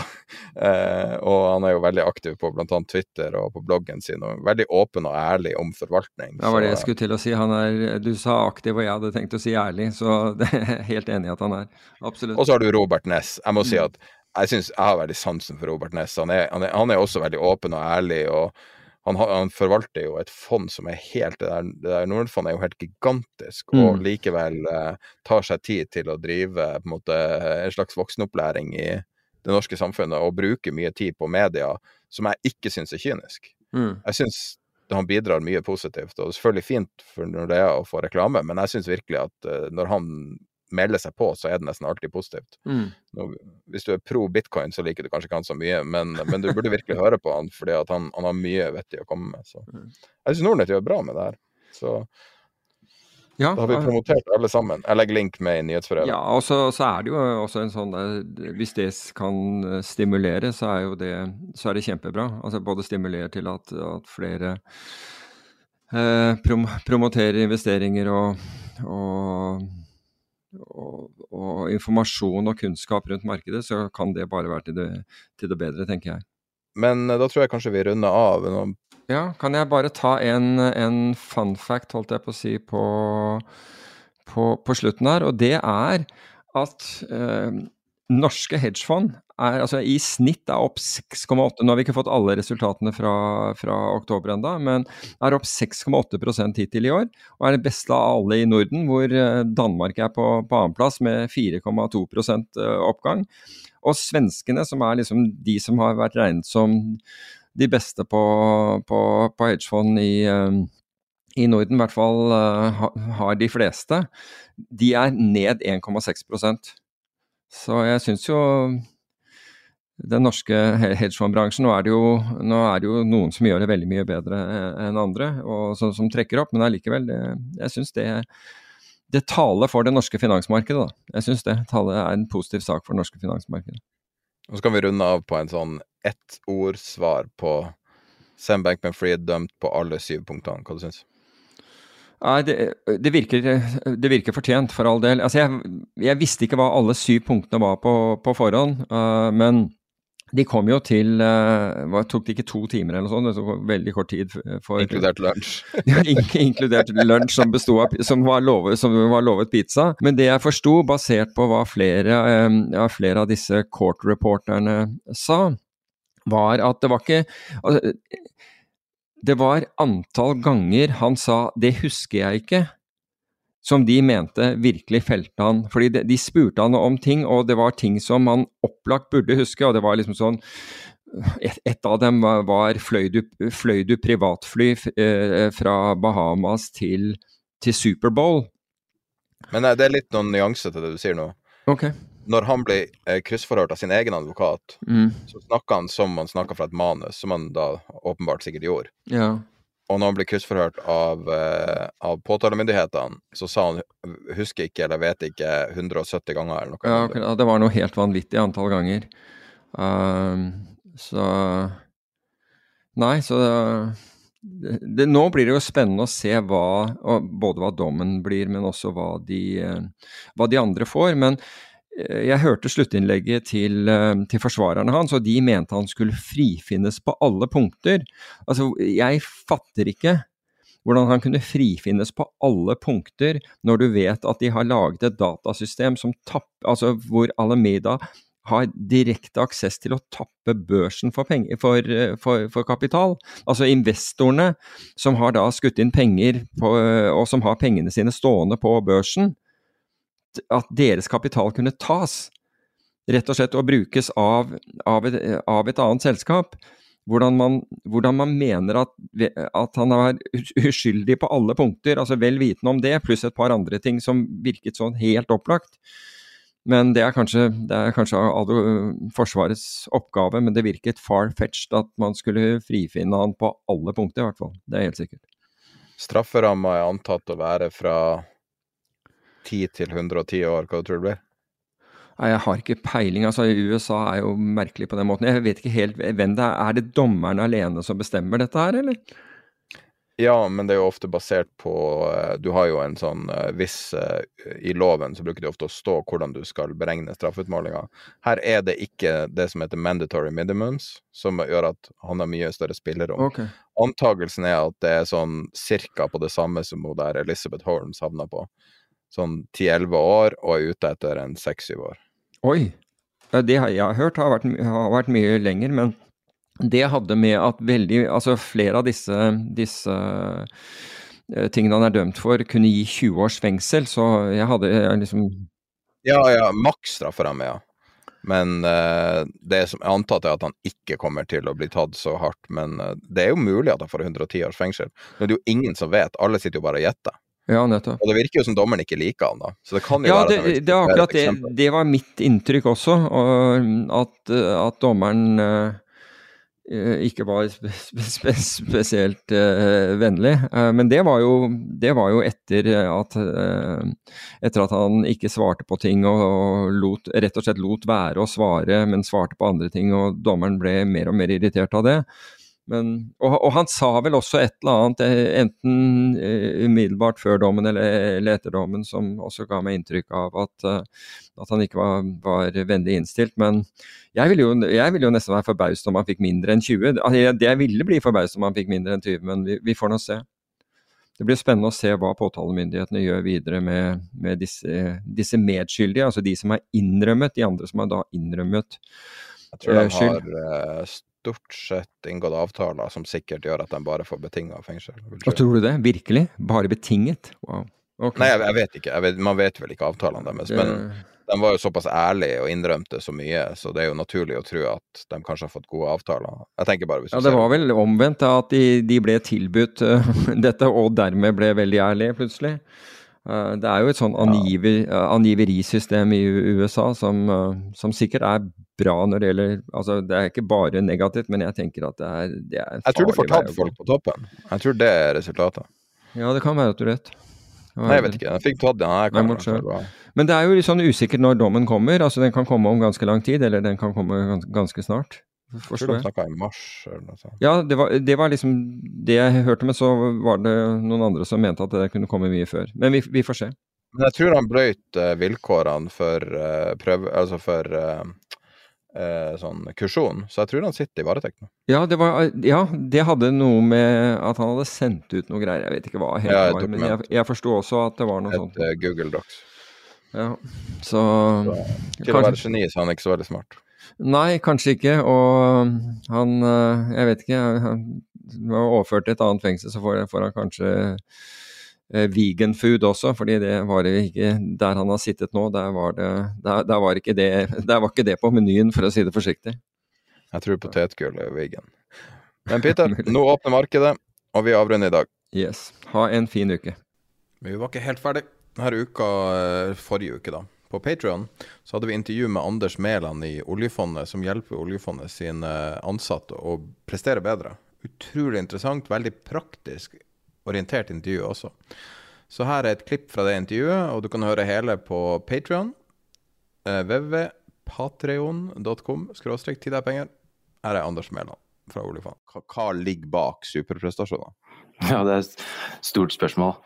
Uh, men jeg, jeg, tror det er mange veier til rom. Uh, det tror jeg. Og så tror jeg samtidig at folk er folk. Så det er noen sånne grunnleggende så jeg tenker jo litt, kanskje litt annerledes på høyprestasjon da, enn en andre. Mange knytter jo det til at du får medaljer og, og gode resultater. Men, det er, men, det er, jo egentlig Det kan skje høyprestasjon innen, hos hverdagsmennesket òg, etter du har satt opp liksom rammene for det er så og så mye tid jeg har å bruke, uh, jeg har barn. verdiene mine tilsier at, så, at jeg vil jobbe så og så mye da, i tid, så er det innenfor det, innenfor det avgrensa området, eh, at du kan være rå da, på, på å finne eh, hva kan jeg gjøre her for å, for å få ut potensialet mitt over tid. Så, så, det jeg leverer i fondet da, og i, i prestasjonspsykologien, det er vi prøver hele tiden å finne ut hva en god prestasjon kan være. Altså, det er jo medaljer og at oljefondet skal bli enda større som er på en måte resultatmålet. Men det sier lite om om vi gjør en god prestasjon eller ikke hver dag. Som enkeltmenneske og som lag. Så det er liksom når rammen er satt, så jobber vi med å vinne liksom hele tiden. Finne ut hva en god prestasjon er. Og det kan man jo gjøre alene eller sammen med noen sånn som, uh, som meg. Um, Og da er det helt ned på basic noen ganger. Er det å gå og legge seg tidlig, sånn at du er opplagt og, opplagt og har bedre forutsetning til å ta gode vurderinger dagen etter? Eller er det at du tar tak i et møte som er i ferd med å skli ut? Driver med aktiv saksstyring eller et eller annet. Eller, eller, ligger prestasjonen at du må begynne å forberede deg bedre, eller debrife et møte, eller at du må prioritere arbeidsoppgavene bedre, eller er, det, eller er det å ta opp elefanten i rommet, når det er det som kreves? Eller øh, for noen nå, som jeg jobba med i går, så, det, så, er det helt enkelt en god prestasjon er det å kunne være til stede og lytte i samtalen rundt middagsbordet hjemme. Fordi det er en fin treningsarena for denne personen, som følte han kanskje ikke var den beste lytteren på jobb. Um, så ja, det er litt sånn tankene. Så du tenker ikke så mye på superprestasjon uh, på det nivået som, som, Altså det er veldig mange som ser mot en person som Haaland, så ser man liksom at han gjør triks, la, la oss bare Altså en diverse trender han følger. At du Men du, som du sier, går og legger seg tidlig, men også unngår blått lys og det er typisk sånn nye, nye, trender, da. Og så tenker mange kanskje å ja, det er det som er nøkkelen her.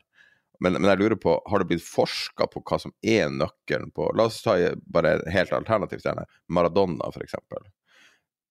Tror du han jobber med noe mentalt? For lenge siden, liksom. Tror, tror, du det er noe vi ikke vet, som ligger bak superperformerne? Nei, jeg tenker det er garantert masse vi ikke vet. Og så prøver vi på en måte å bruke ord og kategorier og forskning og sånt og sett, prøve å forstå. Eh, men jeg, jeg, tror liksom at Og jeg tror nok at mange av superprestasjonene kanskje er også knytta til en sånn jeg kaller det psykologisk fleksibilitet. da. Um, du, for jeg tror noen ganger at det er de liksom fastlåste og dogmatiske tankene og holdningene som begrenser oss over tid. Og, det, og, og de er eh, mye rundt oss, og kanskje mer nå enn noen gang. Det er liksom at ja, vi bare må være maksimalt påskrudd til enhver tid. Du hører det på sidelinja. Vi må holde fokus. Eh, det er ikke det at folk ikke klarer å holde fokus, men de har kanskje fokus på feil ting. Og så er det disse tankene. Ja, du bare må jobbe mest og hardest for å bli best. Du må komme først og gå sist. Og du må liksom sitte igjen og terpe ditt og datt. Og det går på ti mål, liksom. Ja, vi må alltid være kjapp. Vi bare må vinne. Og vi må alltid gi alt. Så og, og, burde og skal og sånn er i samme kategori, da. Så jeg tror det handler litt om å egentlig zoome litt ut, prøve å forstå seg selv. Eh, og når man er på sitt beste. For de som klarer å sette ord på prestasjonstilstanden sin, da, når de er på sitt beste. Eh, hva det er. Det, det, kan du ikke søke etter på utsiden. Så når du begynner å sette ord på det, da, de har en fordel, føler jeg. De som si, blåser litt i hva andre sier og tenker, og hva som er riktig og galt. Da tror jeg, om det blir superprestasjoner eller ikke, men da tror jeg du får ut potensialet, da. Og så kan det hende at folk ikke er godt nok trent. At de rett og slett er, er litt for dårlige på en del andre parametere i den idretten. Så det, det, var så langt de nådde, da. Men jeg tror nok det er noen som kanskje kunne eh, fått ut enda mer av potensialet sitt, særlig under press, da. For det er jo der som ting kan gå fint på trening, og så blir de utsatt for press, og så har ikke alle erfaring med hvem man blir da. Fordi det er sier man ja, bare gjør det samme som på trening, men opplevelsen for noen blir veldig, veldig annerledes når du blir utsatt for press. Kan man forberede seg på det? Ja, der tenker jeg Det er noen miljøer som er veldig flinke på det. Altså, det er jo scenariotrening. Eh, så simulering. Det, var jo litt av tanken rundt den nye investeringssimulatoren som vi har laget her i oljefondet. At den også kan brukes til å renne gjennom scenarioer der du putter inn noen parametere som gjør at ting blir veldig utfordrende i markedet. Kan du fortelle litt om, om hvordan den fungerer, og hva, hva den prøver å, å, få ut, liksom, i detaljer? Ja, ja, Detaljene, der er jeg dårligst til å svare på det. Men, men Fra ditt perspektiv? Ja, ja, hovedintensjonen er jo at du kan For måling er jo noen ganger en utfordring, da, ikke sant. I, eller når man jobber med det jeg jobber med. Um, men, men så, så, på investeringssimulatoren der kan du jo få ut noen tall på liksom Ja, så vi vet jo det, de som driver med aktiv forvaltning. Det å kunne være contrarian er jo viktig. Uh, så da den investeringssimulatoren, der, der, får man jo alle data inn. Da, da, den tar alle historiske data, også beslutningskoder du har. Så, altså begrunnelsene for hvorfor du gjør som du gjør. Også noen menneskelige faktorer, søvn og overskudd og alle de tingene. Og, og også blant annet eh, om du, er, om du er mer contrarian. For det kan hende at du opplever at du er contrarian. Men da er det noen ganger eh, fint å også kunne få tallene for å se ja, jeg opplever at jeg er veldig contrarian, men tallene viser at jeg egentlig blir mindre og mindre det. Så da kan man diskutere derfra. At da har man en følelse som distraherer en. Um, um, og, så, og, da trenger man ikke å diskutere det så mye mer, for da ser man tallene. Så det blir litt samme som en videoanalyse av en skihopper, da. Som jeg jobber i, med de. At du kan, da ser du virkeligheten du har en følelse eller en, en, en, egenskap du skal måle, som du sier kontrær. Er kontrær et, et uttalt ønske fra oljefondet, eller er det én av 50 parameter du prøver å måle? Ja, ja, det er en av mange. Så det var bare et eksempel.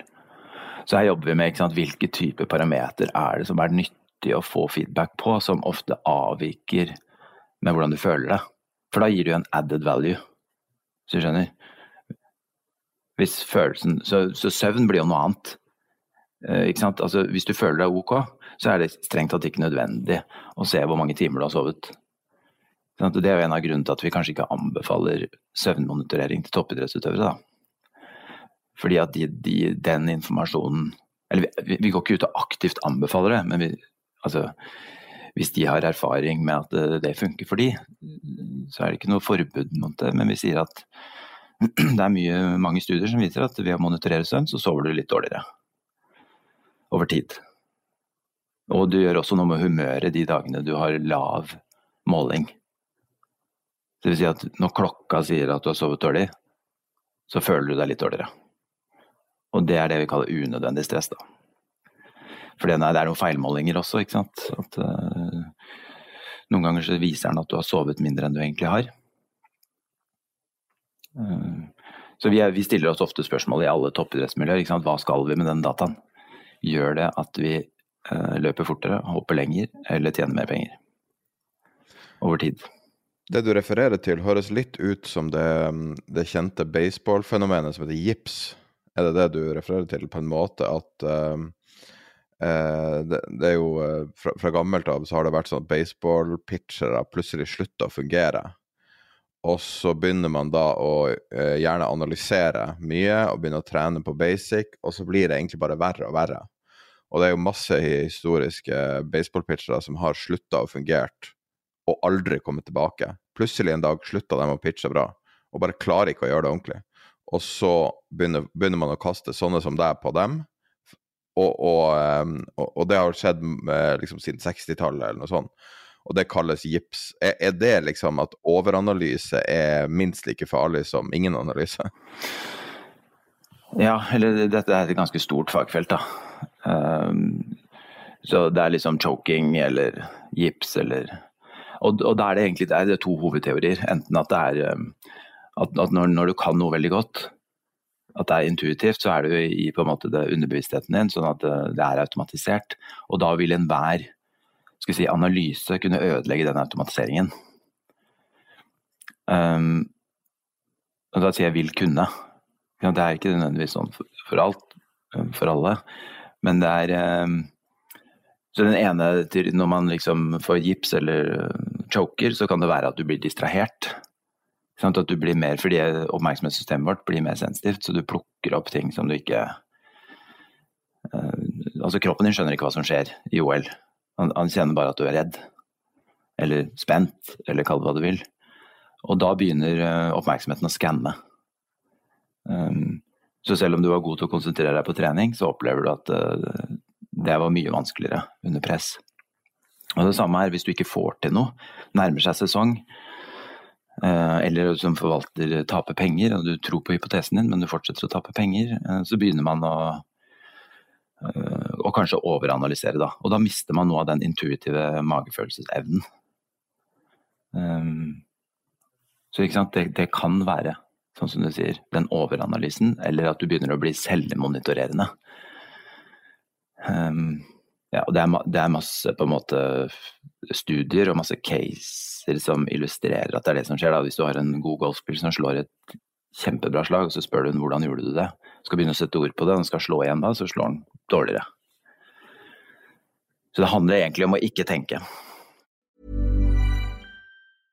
Selling a little or a lot? Shopify helps you do your thing however you cha-ching. Shopify is the global commerce platform that helps you sell at every stage of your business. From the launch your online shop stage to the first real life store stage, all the way to the did we just hit a million orders stage. Shopify is there to help you grow. Shopify helps you turn browsers into buyers with the internet's best converting checkout. 36% better on average compared to other leading commerce platforms because businesses that grow grow with Shopify. Get a $1 per month trial period at Shopify.com slash work. shopify.com/work.